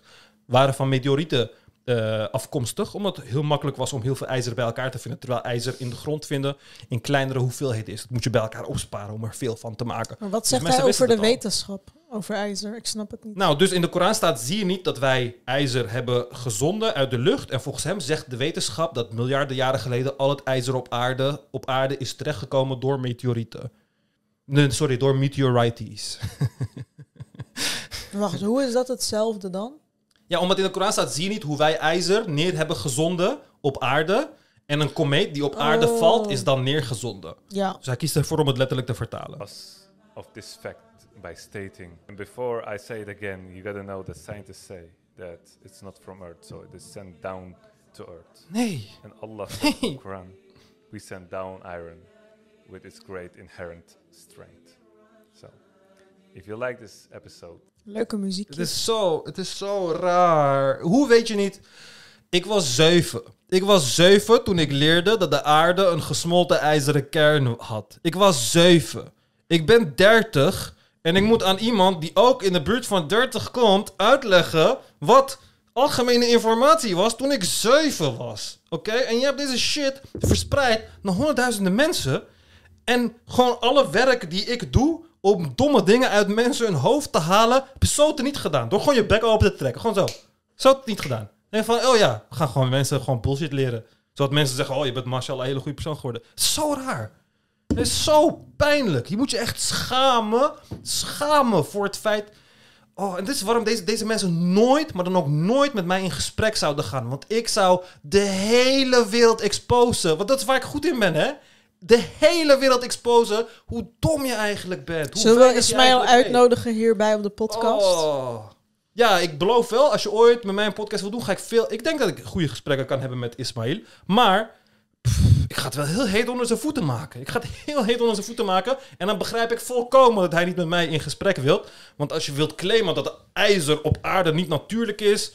Ja, sorry, dan ben je gewoon op de een of andere manier... heb je gewoon nooit les gehad of zo op school, man. Hoe, hoe kan dat? Het is zo raar. Alle ijzer van de aarde is gewoon gekomen van meteorieten, ja. Allah, Allah. Quran Miracles episode number 12. Allah subhanahu wa ta'ala states in the Quran, No, if he does not stop, we will take him by the Nasiya, which means front of the head. A lying, sinful Nasiya. Why did the Quran describe the front of the head as lying and sinful? Why didn't the Quran say that the person was lying and sinful? Well, I'm gonna tell you why. If we look into the skull at the front of the head, we will Ismail gaat ons nu neuroanatomie leren. Ik kan al niet wachten. Ik ga zoveel bijleren nu. find the prefrontal area. What does psychology tell us about the function of this area? A book entitled Essentials of Anatomy and Psychology says about this area the motivation and the foresight to plan and initiate movements occur in the anterior portion of the frontal lobes. The prefrontal area. So, to make it more clear and understandable, this area at the front of the head is responsible for planning, motivating, and initiating good and sinful behavior. According to Professor Keith Elmore, scientists have only discovered the functions of the prefrontal area. Eh, ik wil ook even Keith L. Moore. Zodat mensen dat ook ehm, weten. Ehm, even kijken hoor.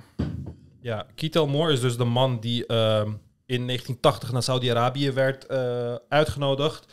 En het hele idiote idee van embryologie in de Koran heeft verzonnen. Dat was eerst een christelijke iets, hè? wetenschap koppelen aan eh, het christendom.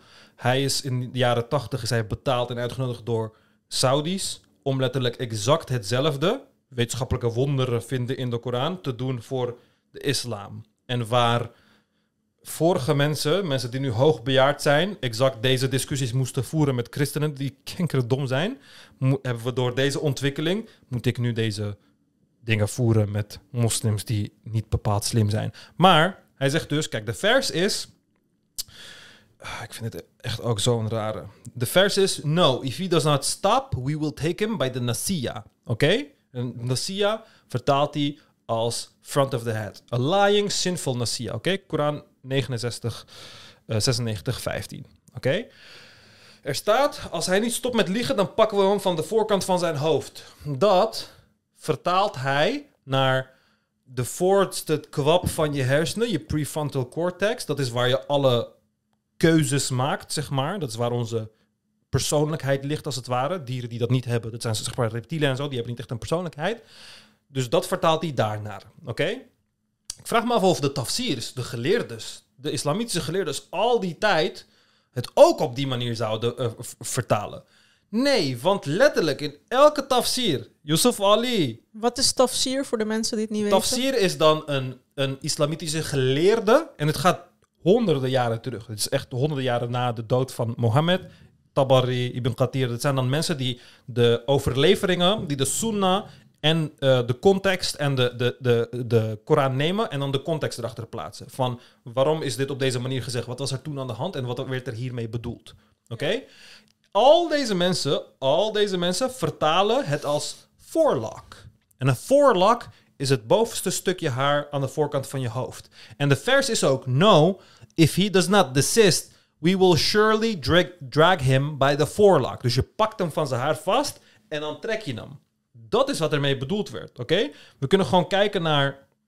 eh, eh, we kunnen gewoon kijken naar. Even kijken, even een goede tafsir erbij pakken. Dit is de vers die, het vers waar hij het over had. Hè? Ja, the na- nasfaan is derived from the infinite salfoon, which means to seize and drag, and the word nasia means forelock. That is the front part of a person's hair that falls forward over the forehead. When a person's forelock is seized, he becomes helpless in the hands of the seizer. Dus de Koran zegt gewoon, als iemand liegt, pak hem van zijn voorste lokken. Oké? Dat is een hele andere vertaling. Heel logisch ook. Van pak hem gewoon zo bij zijn lokken. En vervolgens ga je van zo'n simpele zin... ga je de voorste lokken eh, de voorkant van de hoofd maken. Vervolgens verander je de voorkant van de hoofd... in de voorste kwabben van de hersenen. Vervolgens zoek je wat er allemaal gedaan wordt... in de voorste kwabben van de hersenen. En dan koppel je liegen eraan, ja? Wat de... Hoe? Gewoon hoe? Kan je niet zien dat het gewoon een echt rare confirmation bias is? En het is shirk. Je zit letterlijk Allah's woorden te verdraaien en het te voeren aan on- onwetende moslimjongeren. Het is zo raar. Wil je het raam dicht doen? Of, en de Heb je het koud? Ja. Ja, ik ben echt helemaal aan het zweten. Oh, doe ook de verwarming uit. Is de verwarming aan? Ja, ik had hem aangezet. hij is gewoon uit hoor. Oh, Ja, ik ben echt helemaal aan het zweten omdat ik verbranden. Ik ben al die snoep nu aan het verbranden. doe je omdat blusje maar uit. Aan, aan, het, aan het schreeuwen ben zo. Oké, nummer 13. Quran Miracles, episode number 13. Allah subhanahu wa ta'ala states in the Quran Does man think that we cannot assemble his bones? We are able to put together Oh, in perfect order the very tips of his fingers. Why does the Quran specifically mentions the tips of the fingers? It is because of the reason which now we know that every fingerprint is unique to every person. Not only this, even identical twins having the substantially same DNA sequence have their own set of fingerprints. The pioneer in finger identification was Sir Francis Galton. He determined through his studies in 1880 Waarom is het allemaal relevant? Waarom begin je opeens over vingerafdrukken? Die vers was... Oh mijn god. Ja, het is echt een hele vergezochte connectie. Does man think we cannot assemble his bones? We are able to put together in perfect order the very tips of his fingers. Ja. Dit is alsof er staat ergens van... ik heb jou van top tot teen gemaakt. En vervolgens ga je zoeken naar teen. Hm, waarom heeft hij teen gezegd? Er moet een reden zijn waarom hij teen heeft gezegd. Kom, we gaan zoeken. Oh, de teen. Oh, de teen is heel erg belangrijk voor balans. Wanneer je je grote teen mist, dan val je al voorover, omdat je geen balans kan inhouden. En balans is belangrijk in het leven van een moslim, dus daarom heeft God teen gezegd. Er staat gewoon the very tips. Er staat gewoon, denk je niet dat wij jullie botten in elkaar kunnen zetten? We kunnen jullie perfect in elkaar zetten tot aan de toppen van jullie vingers. Dat is wat er staat. Dat is letterlijk wat er staat. En nu? En nu? En dan is het van, oh ja, maar fingerprints zijn uniek, dus dat werd ermee bedoeld. Nee, dat werd er niet mee bedoeld. En los daarvan, Oh, ik vind het zo raar. Letterlijk, hè, in, in, in moleculaire biologie kunnen wij letterlijk spelen met de formatie en het ontstaan van botten, ledematen, dat soort dingen. We kunnen dieren maken die in plaats van ogen benen groeien uit hun ogen en weet ik veel wat allemaal. Al die dingen kunnen wij. Kunnen wij? Kan het bewijsbaar, kun ik dat voor je doen? Kan je God dat? Nee, hij zegt het alleen in een boek. Hij zegt alleen in het boek dat hij het kan. Kan hij het? Hij kan het niet. En er zal een moment komen dat wij alle dingen kunnen doen. Met door middel van biologie, door middel van de wetenschap. Al deze dingen kunnen doen. Volgens de, al deze logica, ja, dan, dan, dan zijn wij een god. Dan komen wij tot een, tot een deel waarbij onze macht letterlijk goddelijk is. Want blijkbaar is gewoon zeggen dat je iets kan. En het dan heel lukraak koppelen aan een fucking vingerafdruk. Is wonderbaarlijk of zo. Echt.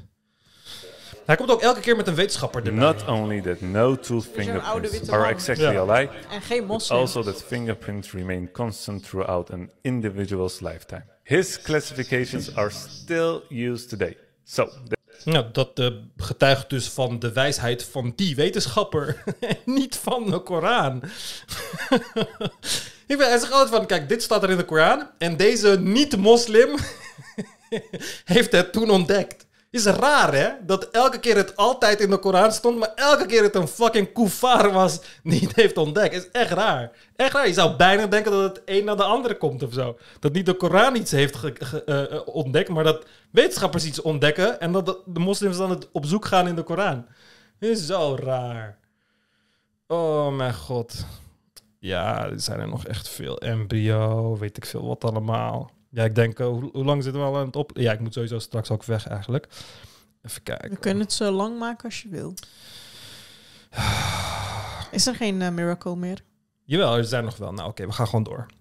We gaan gewoon door. Nummer... Doe er nog maar eentje. Quran Miracles episode number 15. This one is not going to be about science. This one is going to be related to numbers. Okay.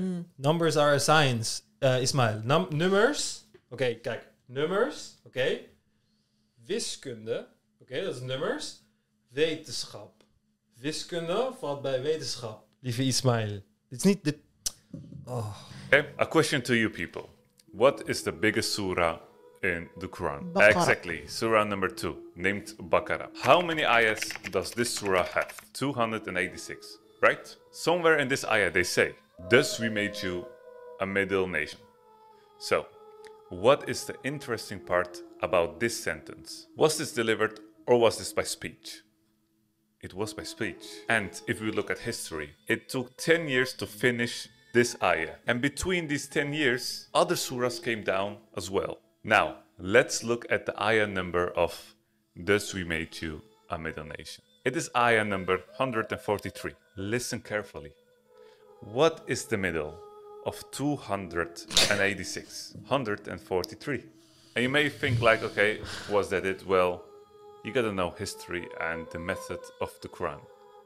This wasn't done in writing. If it was, I would say okay. It was done by speech. And to do something like this, it is impossible. Who is it impossible? Who? Hoe is het impossible? Hoe? Oké, het eh, één keer in Baqarah komt er het woord middel voor. En dat komt... Even kijken. Waar is... Hier, Surah 2. Het 238. Oh, middle prayer. Het klopt niet eens wat hij zegt. Ja, ik kan helemaal geen middel vinden daar. Even kijken. Ehm Misschien klopt het niet eens. Thus we made you a middle nation. Moet je een middle nation opschrijven? Thus we made you a middle nation. Quran. Ja? 2.143. Oh ja, nou oké. nou, hier vindt hij hem wel. Mm, oké. Ja, maar hoe is dit onmogelijk? Want volgens mij, kijk, je hebt iets wat de law of truly large numbers heet. En dat betekent dat wanneer je heel veel hebt van iets, dat de hoeveelheid eh, toevalligheden erin vrij groot zijn. Als jij Harry Potter reeks neemt, kun jij, ga jij meerdere van dit soort dingen vinden. First, die de eerste woord is. in de zin, heel vaak. Middel, die de middelste woord is in de ho- hoofdstuk. Ga je fucking vaak kunnen vinden. Het probleem hierbij is dat je geen limiet hebt naar waar je naar op zoek bent. Je bent gewoon op zoek naar iets wat speciaal lijkt. En je kan fucking veel dingen vinden die speciaal lijken. Ja, zoals alle eerste letters allemaal onder elkaar. Dan eh, wordt het een Ja, en het is niet onmogelijk om te doen. Hij zegt ook van, ja, het is, het is fucking onmogelijk om te, dit, dit zou onmogelijk zijn om te doen. Oké, Waarom heel- is het onmogelijk? ik kan een heel mooi voorbeeld geven, ja. Ehm, ehm, even kijken. Speed of light. Pyramids. Pyramid of Giza. Oké.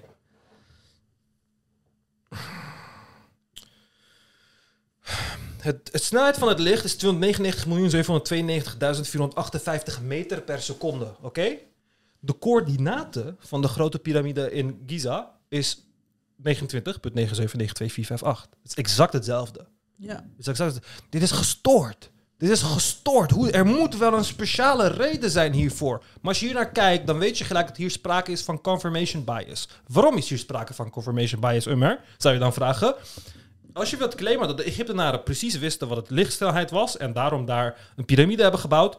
één, je snelheid van het licht is gegeven in meters per seconde. Een meter bestond niet in het ancient Egypt. En een seconde bestond ook niet in het ancient Egypt. Sterker nog, jij hebt gekozen voor een meter per seconde. En niet voor een kilometer per seconde, of een kilometer per uur, of een hectameter per eh, half uur of zo. Je hebt gekozen hiervoor, oké? Vervolgens, de, de coördinaten van de piramide, die komen hierop uit, oké? Iedereen die coördinaten weet, eh, eh, die de coördinaten kent, die weet dat dit een halve coördinaat is. Dus alleen de coördinaat voor de noorderbreedte. Je hebt beide coördinaten nodig. Dus deze coördinaat is gewoon een lijn om de aarde, die toevallig over de piramide loopt. En de hoeveelheid coördinaten die je over de hele piramide kunt vinden, zijn er miljoenen. Miljoenen. Want deze komma hoef je niet eens hier te plaatsen. Je kiest zelf ervoor waar je de komma plaatst en allemaal dat soort dingen. Dus uiteindelijk is het een confirmation bias. Want je hebt ervoor gezorgd dat jij de parameters creëert van wanneer iets speciaal is en niet speciaal is. Er zijn duizend manieren waarbij dit niet speciaal is. En dat zegt dan niet. Dat is geen bewijs ertegen of zo. Maar één manier vinden om het kloppend te maken is dan op de een of andere manier bewijs dat het speciaal is. Het is zo gestoord. Het is zo gestoord. Wat is de grootste vers in de Koran? Bakara. Waarom is het belangrijk dat de grootste vers is? Hebben ze ook niet uitgelegd op de een of andere manier. Maar het zal ook wel belangrijk zijn. En het middelste woord is midden. Wauw. Ik ben flabbergasted. Daar heb je echt een god voor nodig om dat te creëren. Ik dacht echt toen we hieraan begonnen dat het eh, slimmere dingen waren. Ja, maar dit werkt heel goed, want de meeste mensen, het publiek van dit soort dingen... En iemand schrijft, bro, ik snap het niet, kun je het voor mij beter uitleggen? Oh. View 3 replies. Iemand zegt, wat bedoelde je met 10 jaar? Want de Koran kwam neer in een tijdspan van 23 jaar. Terwijl hij zei van de Aya duurde 10 jaar. Ja, Dit zijn allemaal mensen die, echt ja. dom zijn. ja, ja, misschien ben ik gemeen of zo hoor, maar ja, het is gewoon, ja, het is gewoon een, ja, oké, nee, ik ga er gewoon niks over zeggen. Want het is gewoon, ik vind het gewoon jammer. Ik vind het gewoon jammer dat je de, de, het niveau en de kennis van mensen zo erg vergiftigt op deze manier. Quran Miracles episode number 17. Today's Quran miracle is insane. As you all know, the Quran wasn't delivered in a book form. It was spoken out by the Prophet, and the people around him at the time used to write it on stones and bones. Completing the deen Islam, the Quran, took 23 years. It was after the death of the Prophet that it became a book. And when they put it in a book form, and people started investigating the Quran, there were a lot of things that were remarkable about the Quran. And one of them was this. I'm going to show you a few words that are the opposite of each other and are mentioned the same amount of times. Heeft hij al gedaan? Click on pause and take your time to read it. Heeft That's interesting, right? Well, there's a little problem. The word blind is mentioned eight times in the Quran, and the word seeing is mentioned nine times in the Quran. So you can ask yourself, like, why are those two not mentioned the same amount of times? Well, because Allah tells us this. Ja. And not equal are the blind and the seeing. Dat had hij al eerder gezegd. Deze heeft hij herhaald op de een of andere manier. Hij is in 17 afleveringen vergeten wat hij in de tweede aflevering, nee, de eerste aflevering had gezegd. Ja, het was de eerste aflevering. Dus ehm, ja, dit voorspelt niet veel goeds voor je geheugen als je 17 afleveringen later een herhaling maakt van de eerste aflevering of zo. Maar nog steeds, waarom? Ja, ik, ik zou echt willen dat ik zo mijn kennis kon teleporteren in mensen hun hoofd, zodat ze wisten hoeveel idioot, psychisch, psychisch gestoorde mensen deze argumenten gebruiken. Dit is hetzelfde als Osama Bin Laden heeft, weet ik veel, 12 letters. En John F. Kennedy heeft ook 12 letters. Dus John F. Kennedy heeft Osama Bin Laden vermoord. Het is echt, echt... Wacht even, wacht even. Weet je nog die vriend van mij met psychoses? Die Ja. eh, in mijn eh, mes- WhatsApp messages allemaal codes zag. Ehm, even kijken hoor, ik wil even een mooi voorbeeld. Ah, ja, Oh ja. Numerology. Ehm. Mm. Even kijken hoor. Waar is die fucking post? Eh, hoe heet een van de e- Lincoln of zo? Ja. Oké, dit is de Lincoln Kennedy Coincidences Urban Legend, oké? Lincoln en Kennedy... Kijk, John, eh, Abraham Lincoln is vermoord en John F. Kennedy is vermoord, oké? Dat is al gewoon een wonder, dat ze allebei zijn vermoord, oké? Lincoln heeft zeven letters, Kennedy heeft zeven letters.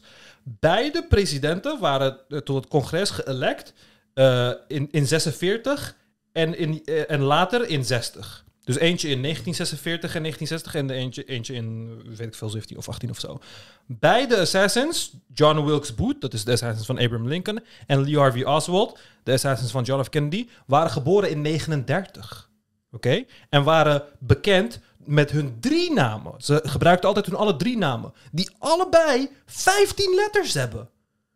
Hoe, hoe groot is die kans, jongens? Oké, maar daar blijft het niet bij. Booth, John Wilkes Booth, hij rende van een theater en werd gepakt in een warenhuis. En Lee Harvey Oswald rende van een warenhuis en werd gepakt in een theater, jongens. Dit is allemaal waar, hè? Ook, by the way. De, beide assassins kwamen uit het zuiden. Oké, dat kan nog gebeuren. Beide van de presidenten, hun opvolgers, hadden Johnson als naam en waren geboren in een 08. Dus eentje in 1908, de andere in 1808 of zo. Both Lincoln and Kennedy were particularly concerned with civil rights. Okay. Both presidents were shot in the head on a Friday. Whoa, okay? And then Lincoln had a secretary named Kennedy who told him not to go to Ford's Theater. And Kennedy had a secretary named Evelyn Lincoln and she warned him not to go to Dallas, waar hij is neergeschoten. Both Oswald and Booth were killed before they could be put on trial. Hoe groot is de kans dat al deze dingen met elkaar overeenkomen? Hoe groot is de kans? Het, eerlijk, eerlijk, het moet wel zo zijn dat Lincoln en Kennedy beide gewoon profeten waren. Het kan niet anders. God moet hier iets mee te maken hebben. Moet. Moet. Zoveel. Dat kan niet. Dat kan geen coincidence zijn. Zoveel coincidences bij elkaar. En dit is... Dit werd jarenlang geloofd, by the way. Ehm, het is ook, daarom is het ook een urban legend. Sinds de jaren 60 is het al een fenomeen. Maar zo dom ben je dus. Wanneer je deze dingen als een wonder beschouwt. Dan begrijp je gewoon niet één, hoe kansberekening werkt. Twee, hoe de law of truly large numbers werkt. En drie, dat een god, een oppermachtige god niet met jou gaat communiceren met hoe vaak een woord voorkomt in een tekst. Dat is letterlijk QAnon shit. Is letterlijk, ah, is letterlijk gewoon schizofrenie shit dit. Als je, als je zo weinig bewijzen hebt dat je, moet, dat je moet uitwijken naar dit soort extreem, extreem debiele bewijzen, dan, ja, dan is het echt gewoon te laat. Oké, we gaan nog eentje doen en dit is volgens mij zijn meest bekeken. En dan hou ik het ervoor gezien hoor. Want eh, ja, mijn lichaam is heet. Ik begin te zweten. Het is gewoon niet goed. Zijn ze van recent of is hij ermee gekapt? Nee, die zijn van twee jaar geleden of zo. Dus hij is ermee gestopt. Maar hij heeft ze gepind, zeg maar. Want het zijn zijn meest bekeken video's. Mm. De video's waarin hij liegt, zijn zijn meest bekende video's.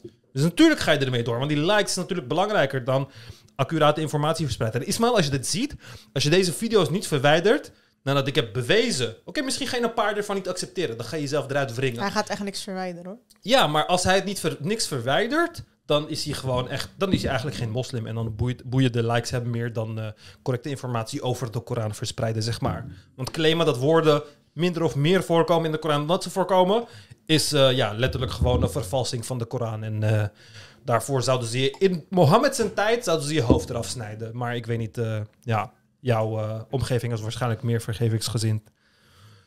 Nou, de laatste. Quran Miracles episode number 13. This one is going to be the most special Quran Miracles for myself. Have you ever heard about the planet Pulsar?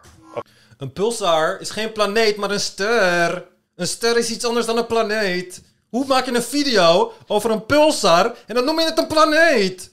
Gewoon hier, hier, hier, hier. Stel je voor, ik maak een video over een pulsar. Dan schrijf ik gewoon pulsar en dan druk ik op enter.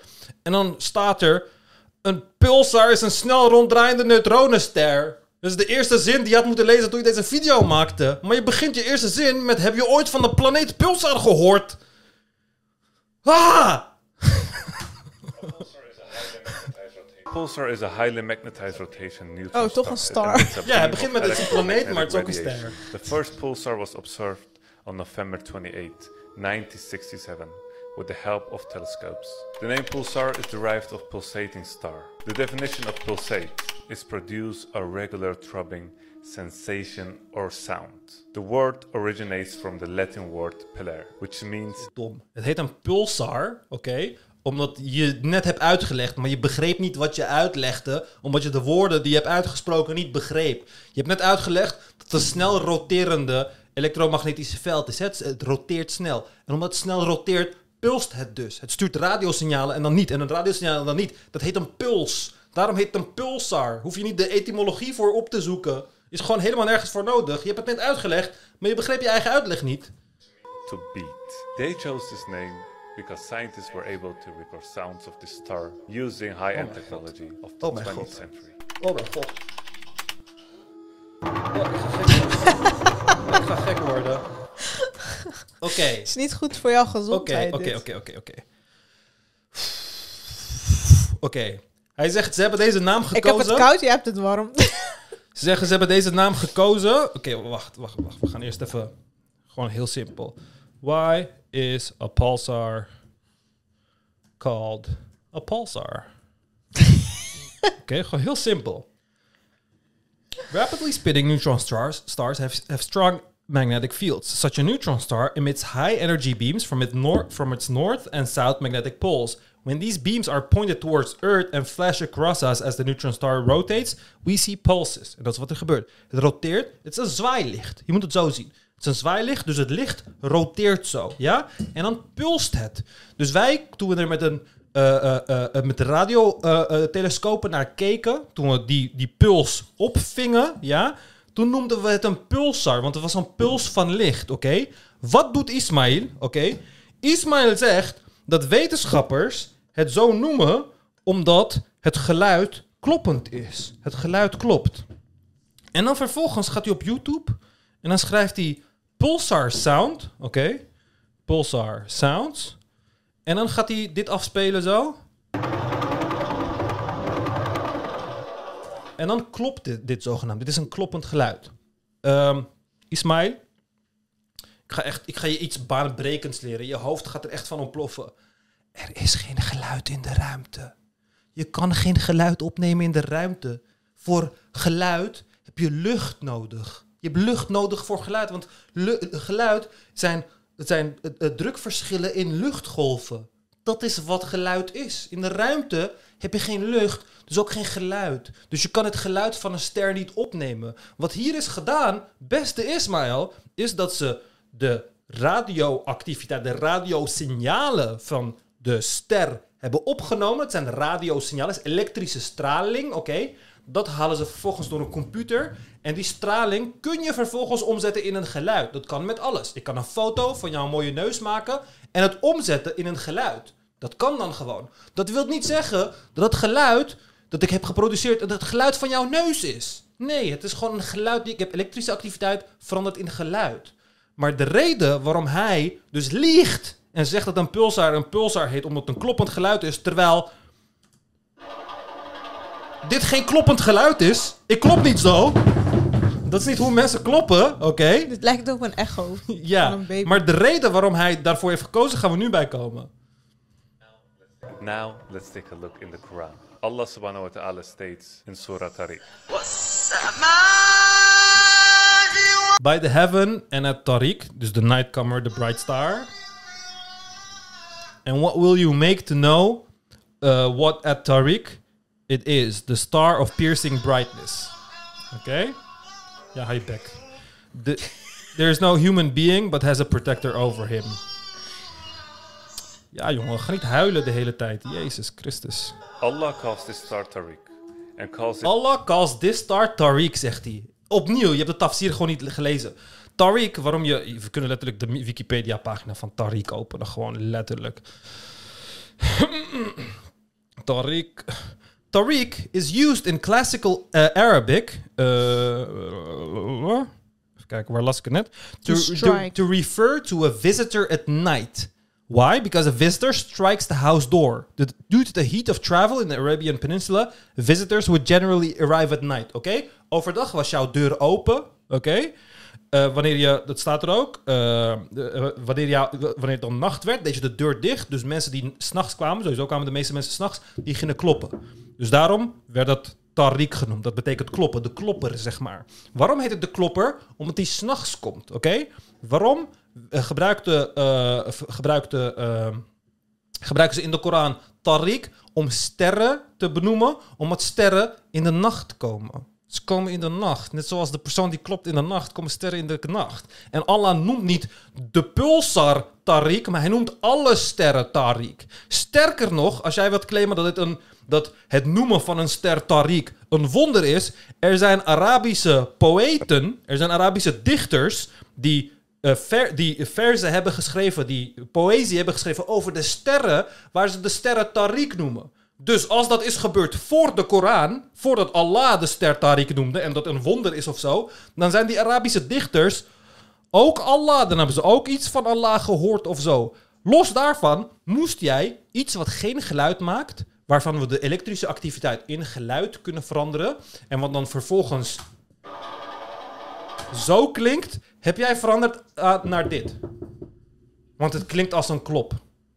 Je letterlijk daaraan veranderd. Geen enkel tafsir die over deze vers praat, geen enkel tafsir maakt deze connectie. In alle tafsirs zeggen ze dat tariq gaat om de zon. Want het woord tariq wordt ook, eh, zon, om de sterren. Want ze komen in de nacht. Letterlijk. Eh, Zullen we de tafsir ook nog er- erbij zoeken? Even kijken. Tariq. Eh tafsir. By the sky. Uh, no word. The word Tariq means the night comer. Stars normally disappear during the day and only appear at night. Therefore, they are called Tariq. Dit is de tafsir.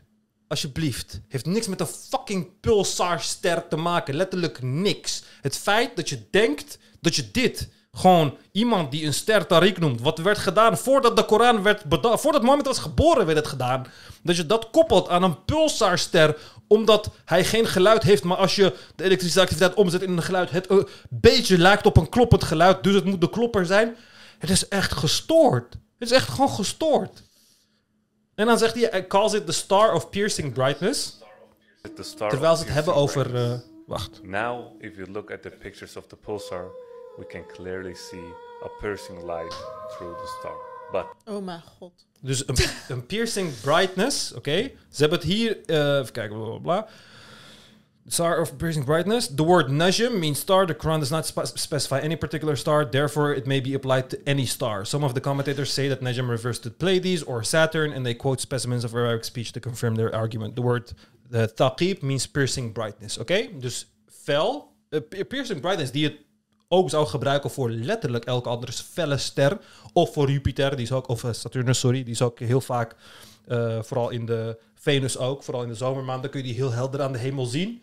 Alhoewel ik niet weet hoe dat is in de Arabische peninsula lucht, zeg maar. Maar het heeft helemaal niks met een pulsar te maken. Voordat pulsars werden ontdekt, heeft nog nooit iemand het op deze manier geïnterpreteerd. Wat je hier hebt gedaan, is opnieuw confirmation bias. Wetenschappers hebben iets gevonden. Jij probeert hetzelfde te vinden in de Koran. Dus jij verandert een woord wat gewoon ster betekent, wat gewoon als ster wordt gebruikt. Voordat de Koran eh, eh, eh, bestond, werd gewoon als de ster gebruikt. Verander jij in, oh, het betekent kloppen. Hoe de fuck kan ik kloppen koppelen aan een pulsar? hey, die ster klopt niet. Oh, maar als we de elektrische activiteit omzetten in geluid, dan lijkt het een beetje op kloppend geluid, dus de Koran had gelijk. Dit is de mental gymnastics die wordt uitgevoerd. En dat is gewoon geschift. Het is letterlijk geschift. Is zoveel, je moet door zoveel hoops gaan, door zoveel dingen springen, zoveel kritisch denkvermogen uitschakelen om bij deze conclusie te komen. Dat ik gewoon denk van, hoe dan? En dan is het, is het godverdomme 1,7 miljoen keer bekeken Oh my god. de hoeveelheid mensen, de hoeveelheid IQ-punten die jij hebt doen vervagen in de, in de, in de, in de jongeren, in de islamitische jongeren, internationaal, want je doet het ook nog in het Engels, is echt om van te huilen. Is echt om van te huilen. En als je mans genoeg bent, als je ook maar een beetje eerlijk praat met eh, een geleerde, praat met de islamitische geleerde en ga deze miracles bij hun, eh, eh, bij hun laten zien. Een echte, een echte hoog, hooggeleerde, eentje die je bijna extremist zou noemen in principe. Ga dit aan hun voorleggen en Bij kijk die maar. Rashid of zo, toch? Ja, bijvoorbeeld. net. Bijvoorbeeld, al deze dingen zijn zo onzinnig. Dit is nieuw. Dit is nieuw en letterlijk ontwikkeld door westerse eh, moslims die eigenlijk niet echt geloven in de Koran, want het klinkt een beetje belachelijk wanneer je de wetenschap erbij haalt. Dus dan moeten ze het zo aanpassen zodat de wetenschap ze gelijk geeft of zo. Zo raar. En dan is het ook zo pseudo-intellectueel van, oh, ik weet al deze wonderen in de Koran. En alle wetenschappers die zijn blind, die willen niet zien. Want in de Koran staat, de ogen willen niet kijken. Weet ik wel, man, allemaal. Echt iets, echt, oké. Welke hebben we niet gehad? Ik vind dat we voor de com voor, om het compleet te maken even snel door de andere heen moeten. Eh, Brown Miracles episode 21. Humans can control the size of their pupils. It is totally involuntary. When lying, it dilates. On the medical science site, there is an explanation about this subject. It's based on a research. It is a long text, so click on pause to read it. In short, pupils dilate when humans lie. Liars can dat is niet waar. Eh, je pupillen, die dilate soms als mensen liegen. Als ze altijd zouden dilaten wanneer je liegt, dan zou naar de pupillen kijken echt een perfecte foolproof method zijn om erachter te komen of iemand liegt. Is het dat? Nee. Kan het dat zijn in combinatie met heel veel andere dingen? Zweet, hartslag, eh, dat soort dingen. Als je al die dingen in combinatie neemt, ja, dan kan het wat preciezer zijn. Maar is alleen pupilgrootte eh, eh, een, een belangrijke, een, een accurate indicator van lying? Nee, is het niet. Kun je letterlijk hier. Zullen we gewoon ChatGPT vragen? Is pupil dilation, oops, dilation an accurate way to Typfout. Oh. Ja, maar u doet het niet, dus ik moet hem met die alt-knop doen. Accurate way to determine if one is lying. It can be a sign of various emotions, including arousal, excitement, or, or even stress, but it is not a foolproof indicator of deception. People's pupils can dilate for reasons unrelated to lying, like changes in lightning or genuine emotional responses. It's just one piece of the puzzle, so relying solely on pu- pupil dilation would, uh, might lead to misunderstandings. Oké? Dus het reageert op zoveel verschillende dingen. Maar volgens Ismail, je pupils dilate when humans lie. Oké? Manipulate their body language, but they can't control their pupils. It is the pupils that give them away. This was discovered recently, but however, niet waar. the Het is Quran gewoon nooit gediscovered, want het is niet waar. 1400 years ago. Allah subhanahu wa ta'ala says this in the Quran. He knows the betrayal of the eyes and what the hearts conceal. It is so interesting that it says specifically the betrayal of the eyes. And now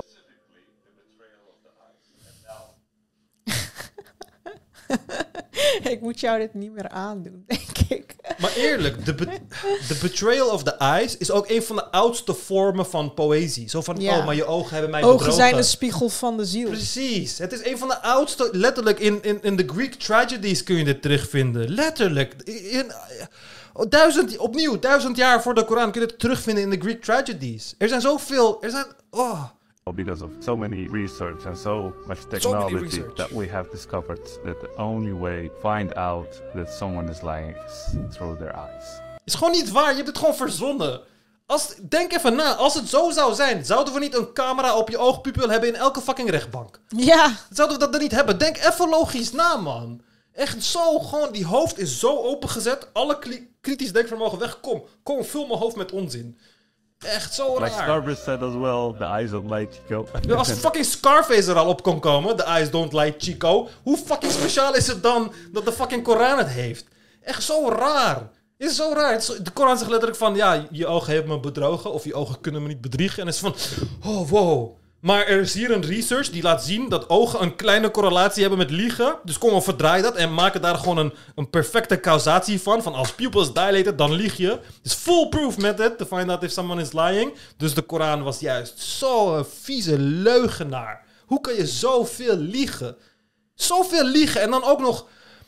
Hoe kan je geloven dat jouw God bestaat en dan probeer je hem te beschermen met leugens? Door willens en wetens gewoon leugens te verspreiden, probeer je je God te beschermen. Eerlijk, het doet mij gewoon denken dat je diep van binnen in je onderbewustzijn gewoon eigenlijk niet gelooft en het rechtvaardig vindt om te liegen, te bedriegen en feiten te fucking misvormen om, eh, ja... maar Om hij is ook niet de enige. Kijk die comments. Abu Hoed Hoed. I didn't know that. I didn't know that. Jazakallah khair. The eyes, Chico, they never lie. Also, I mean, anyone with common sense can say that about oh, eyes. Oh ja, ja. Eén kritiek. This is not the meaning of the ver- verse. Deceitful eyes when you refer to a person with your eyes without anyone notice. Mentioned in a hadith.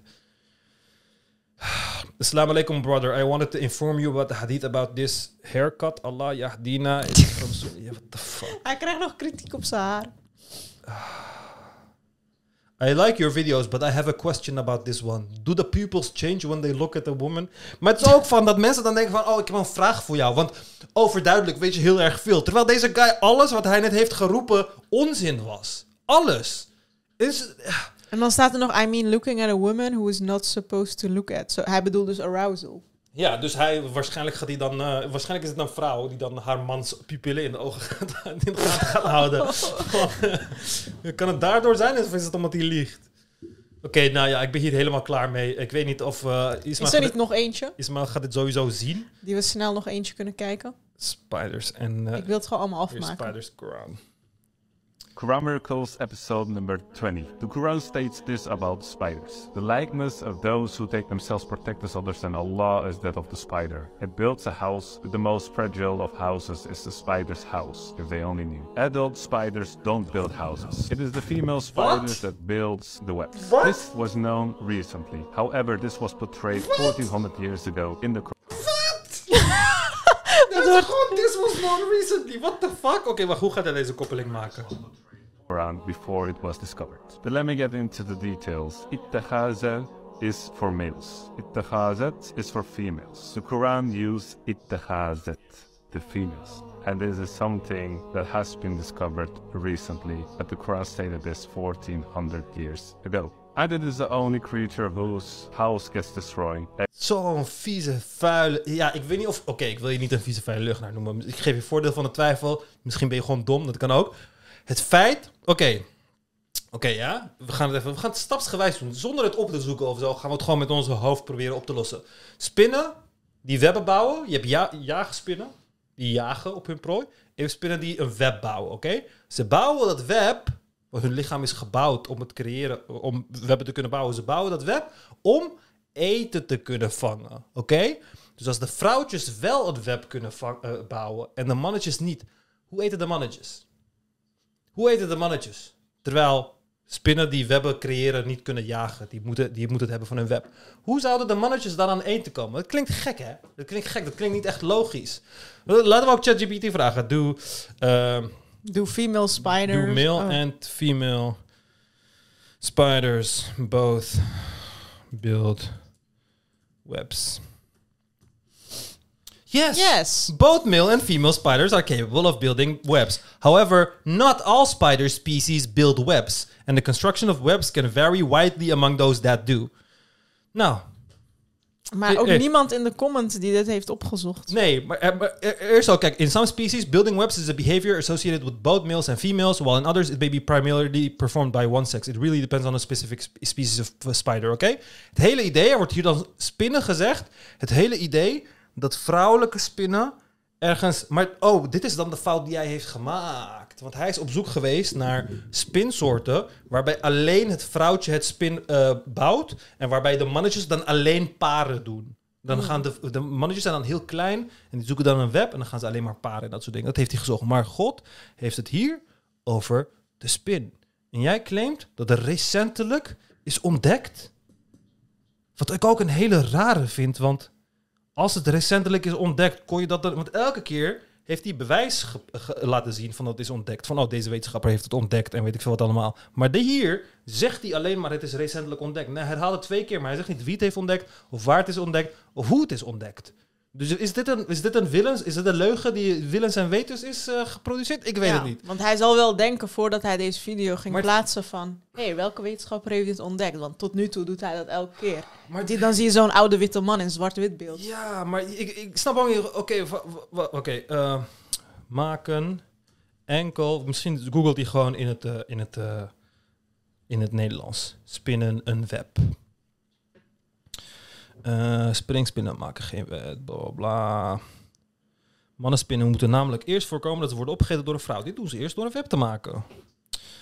Nee, nou, op die manier kan je er ook niks over vinden. Weet je wat er is gebeurd? Hij heeft dit argument ergens gelezen. Hij heeft er niet bij nagedacht, want het gaat over de islam. Dus je moet er niet kritisch over nadenken. Je moet gewoon accepteren. Heeft hij het geaccepteerd. Heeft er een video van gemaakt. En dan kom je uiteindelijk met eh, dit soort eh dommige ideeën. Even kijken, wat heb je nog meer? Ehm, Oh, we hebben ze nu allemaal gehad. ja, ik denk het wel. Er was eentje van... ehm, Embryo. Nee, eentje van. ehm, even kijken, Quran Miracles.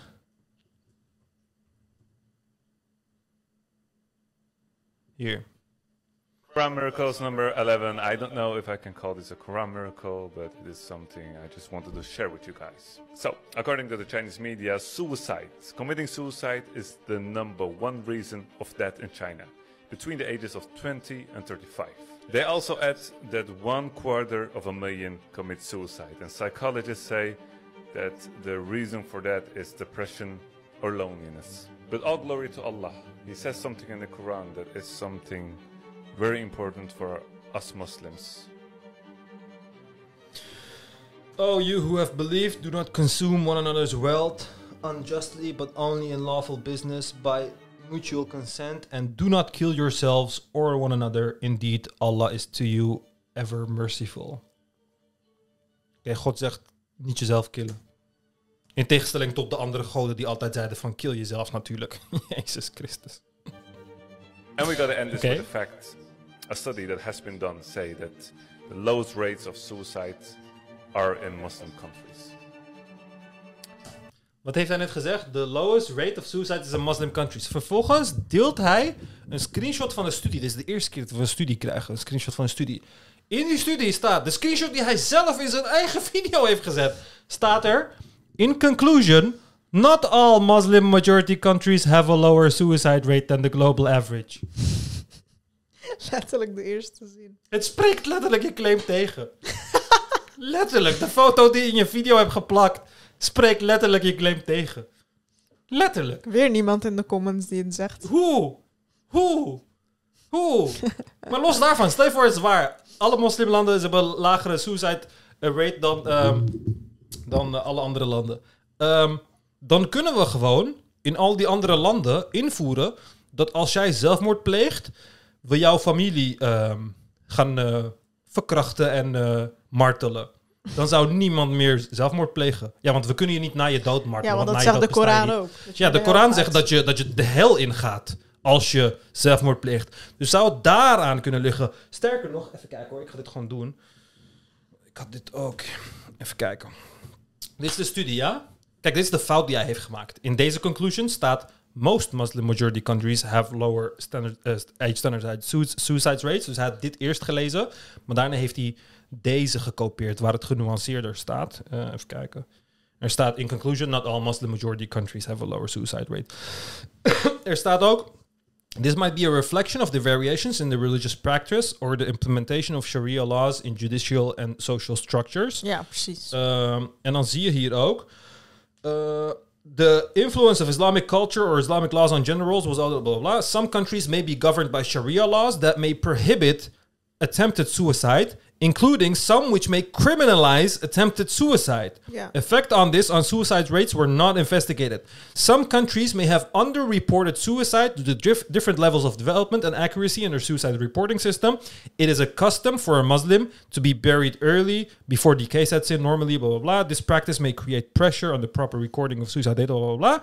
Verder staat er nog: sudden death among women was also found to be less frequently reported as a suicide in comparison with male suicide due to the need to preserve family honor. Oké? Ja, precies. Er zijn gewoon heel veel cases bekend van vrouwen die opeens doodgaan. Hè? En dan wordt het niet geschreven als suicide, terwijl het vaak overduidelijk suicide is, to preserve family honor. The WHO classified the mortality data quality of some countries as poor, and these need to be interpreted with caution. Dus als we hele, hele poor data nemen, waarin mensen doodgaan, maar niet als zelfmoord worden vastgesteld, omdat het anders de eer van de familie beschadigt, dan is het zo dat er een paar islamitische landen zijn die een lagere eh, mate van suicide hebben dan het gemiddelde op aarde. Een paar zijn er dan, oké? Om daarvan de claim te maken dat moslimlanden de landen zijn met de laagste suicide rates, is gewoon niet waar. Is gewoon weer gelogen. Gewoon kei en keihard gelogen. Gewoon mensen voor de gek gehouden. Echt. Zie maar, dan gaan ze naar mij. Want, oh, maar Ummer scheldt mensen uit. En hij zegt dom. En hij schreeuwt er weer Je van. begon nog met ik ga rustig Los blijven. daarvan, ja. Maar fuck dat allemaal. Want ik spreek wel de motherfucking waarheid. En ik zou liever jullie de waarheid vertellen. En, en, en, en dingen vertellen op basis van feiten en data en ratio. Dan dat ik een lief muziekje zet en dan. Oh, dames en heren, vandaag gaan we het hebben over de wonderen van de Koran. 2 plus 2 is 4 en hier staat 4. Wow, de Koran is een wonder. Het is gewoon dom. Het is gewoon fucking dom. Oké, we hebben fucking 20 video's doorgehaald. Ik moet eh, pissen. Het is twee uurtjes. eh, we houden Hij heeft nog eentje over embryo, maar ja. Die, is Ja, die hebben echt zo vaak behandeld, Ja, embryo. precies. A Quran miracle that shows nothing else Oh, than that the Quran nog is a word from God. Ja, dat is Episode embryo. number 18. Today, I am going to be telling you guys about the embryo and what the Quran says about that. But first, let's go to Keto Moore. Weer Keith Elmore, hè? Weer. Weer een wetenschapper uit de jaren 80 die door Saudi is betaald. om- Oh my god. A big, a huge, respected. Nee, hij is niet een huge respected professor. Is hij gewoon niet. Zijn Wikipedia-pagina bestaat voor de helft uit shit wat hij heeft verzonnen voor de islam. says this. The realization that the embryo develops in stages in the uterus was not discussed or illustrated until the 15th century. Is niet waar, want je kan gewoon de verschillende fases van een embryo gewoon perfect zien. Want er is iets wat een fucking miskraam heet. En dan bij een miskraam komt de embryo eruit. En als je een miskraam hebt in een vroegere stadium, dan zie je een kleinere embryo. En als je hem hebt in een latere stadium, dan zie je een grotere embryo. En dan kan je de verschillen maken. Dat is de reden waarom de Vedas, die 1500 jaar ouder is dan de Koran, een veel betere beschrijving heeft van embryologie dan de Koran. The staging of the human embryos was not proposed until the 1940s, and stages used nowadays were not adopted worldwide until a few years ago. But what does the Quran say about the human development, the embryo? We then placed him as a sperm drop in a place of settlement, firmly fixed. Then we made the drop into an alaqa. And then we changed the alaqa into a lump. Then we made out of the lump into bones, and then we clothed the bones with flesh. Hij zegt hier: we hebben de lamp veranderd in botten. En daarna hebben we de botten geclothed the bones with flesh. Daarna hebben we vlees over de botten doen groeien. Het is fout. Het is fout.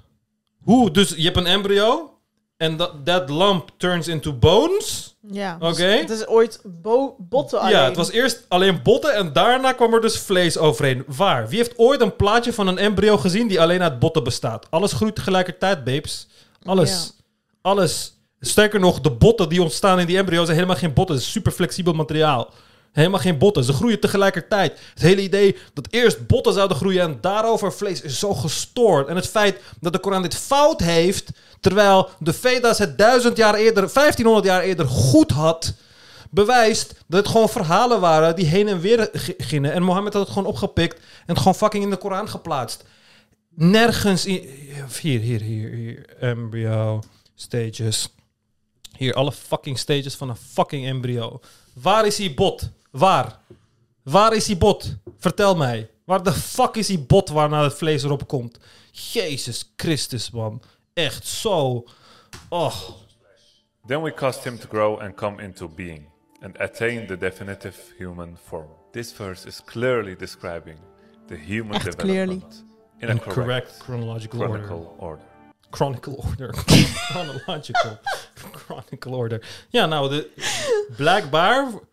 Kijk, als ik, als ik embryo's zou ehm, beschrijven in een correct chronologische orde, zou ik zeggen, het begint met één bevruchte cel. Die cel splitst zich in twee cellen. Dan wordt die 4-cell stage, dan wordt die 8-cell stage, 16-cell stage, verandert die in een blastocyte. Ik zou zeggen, jij begint als één en jij vermenigvuldigt jou. Oké, om het poëtisch te brengen.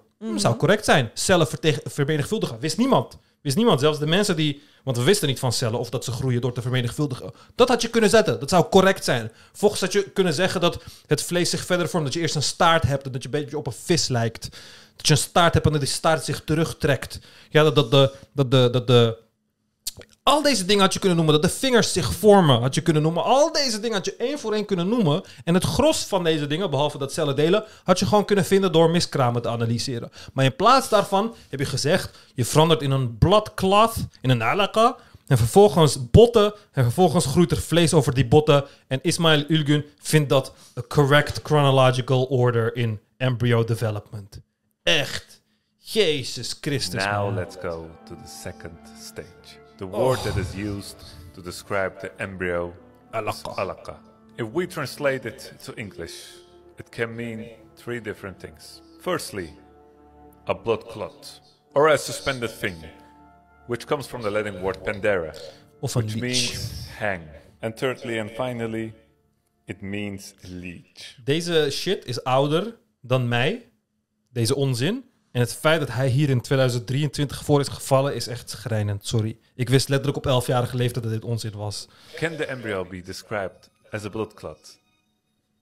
Well, you tell me. Nou, you tell me. You tell me. Blood cloth. dit is hoe een blood clot eruit ziet. Lijkt het op een embryo? Lijkt dit op een embryo? Lijkt dit op een embryo? Lijkt dit op een embryo? Lijkt dit op een embryo? Geen van deze dingen lijkt op een embryo, hè? Oh, maar het is rood. Het is rood, dus het lijkt op een bloedklot, jongens. And the embryo is also suspended. It is hanging. Oh, hij hangt. Ja, nee, wij, wij dachten hij vliegt eh, vrij los zo. Het is niet duidelijk dat hij hangt in je buik. Nee, we dachten het vliegt zo vrij in je lichaam. Zo moeilijk om erop te komen dat hij vastzit. Look Jezus Christus, man. En die liedjes helemaal grappig. earth does a leech have to do with an Eén embryo? plaatje wordt al 30 Well, jaar gebruikt. This is an embryo at 24 days. And this is a picture of a leech. Dit is een embryo in 24 dagen. Dit is een foto van een leech, oké? Let op. Embryo 24. Altijd worden deze twee foto's gebruikt. Waarom? Want Het lijkt erop. Zo kun je het een beetje op elkaar laten lijken. Oké? Embryo, 24 dagen. Ik weet ook niet waarom we op de een of andere manier 24 dagen moeten pakken. Hier heb je foto's van embryo's van 24 dagen. Hmm. Oké. Hier heb je foto's van leeches. Het is gewoon allebei kronkelig en klein. Ja, dus letterlijk, kijk, alleen bij deze plaatje die iedereen gebruikt, lijken ze op elkaar. Maar in elke andere plaatje van een embryo van 24 dagen heeft het niks, maar dat ook niks met een bloedzuiger te maken. Dit, dit doorzichtige, vergeleken met dit, is fucking gestoord. Is letterlijk gestoord. En het feit dat je drie verschillende vertalingen zoekt, drie verschillende vertalingen hebt en alle drie correct probeert te krijgen door een bloedzuiger op een fucking embryo te laten lijken, is echt, echt zo gestoord. Sorry, maar het is echt zo gestoord. Dit plaatje is zo kankeroud. En geen enkel, opnieuw zeg ik voor de duizendste keer, geen enkel serieuze moslim die kennis heeft van zaken, zou het ooit serieus nemen. Dit is alleen voor moslims die net als jou gewoon hun hele jeugd op de straat hebben doorgebracht, die naar school zijn geweest, geen reet hebben geleerd en nu op hun 25ste opeens de islam willen omarmen, terwijl ze minder islamitische kennis hebben dan je gemiddelde 12-jarige die naar de moskee gaat. Dat zijn de mensen die hierin geloven.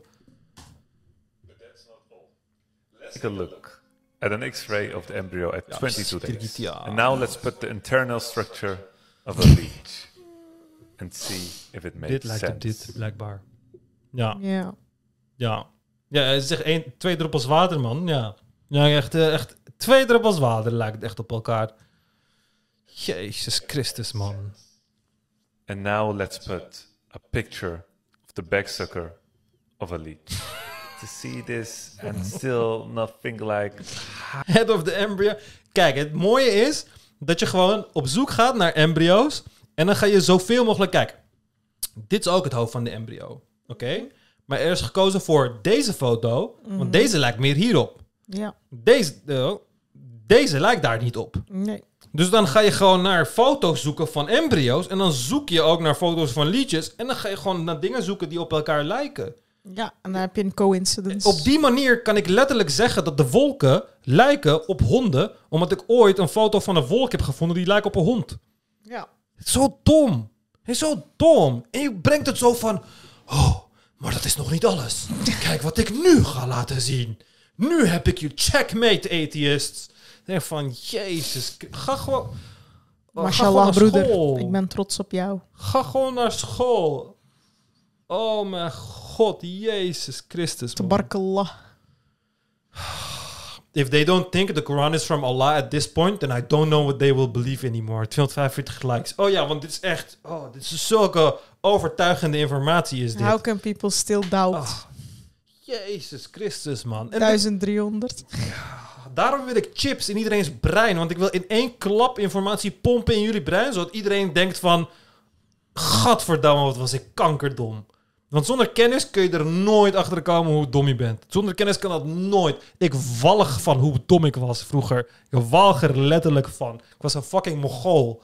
En dat kun je alleen maar weten wanneer je die kennis hebt opgedaan. Wanneer je die kennis niet op gaat doen, dan ga je precies als Ismail zijn. Als al die mensen in de comments van... "Hè, maar als al deze dingen zo zijn, waarom geloven mensen dan nog niet? Ik ben slim. Al die wetenschappers, die begrijpen het niet. Ik weet het. Want ik heb VMBO-basis gedaan en het is afgemaakt. Maar ik weet het. Zo dom. Zo dom. Jezus Christus. Ik eh, ga denk ik Ja, afronden. het is gewoon genoeg. Het is helemaal genoeg. Dankjewel voor het stijgen van je, laten stijgen van je bloeddruk. Waarderen jullie deze aflevering? Word donateur.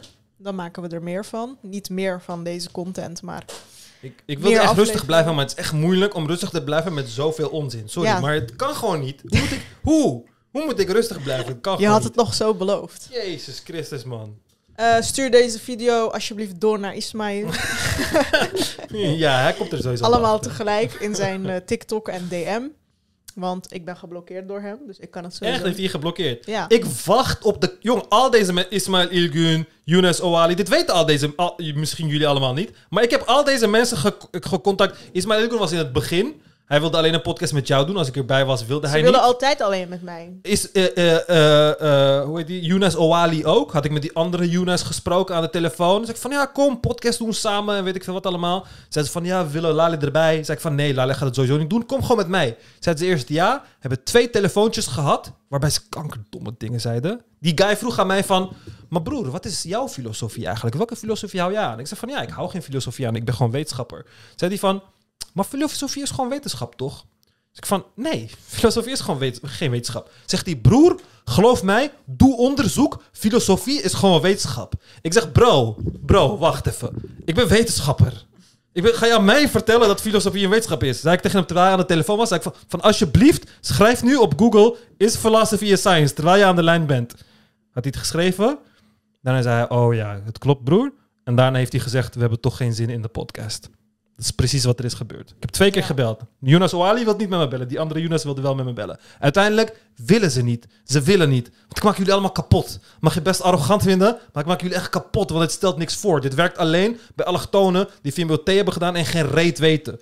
Dat je tegen ze kan zeggen van een ster maakt geluid. En dat ze dan gewoon, of eh, eh, ijzer is niet natuurlijk op, of voor de aarde. Dat ze dat gewoon accepteren. Daar werkt het bij. Elke gemiddelde beta-student aan de universiteit maakt gehakt van je. Want je bent niks. En daarom moet je je faam zoeken in de meest, meest lage krochten van het internet. Waar alleen maar debielen rondneuzen die je kunnen vertellen hoe fucking verlicht je bent of zo. Zo raar.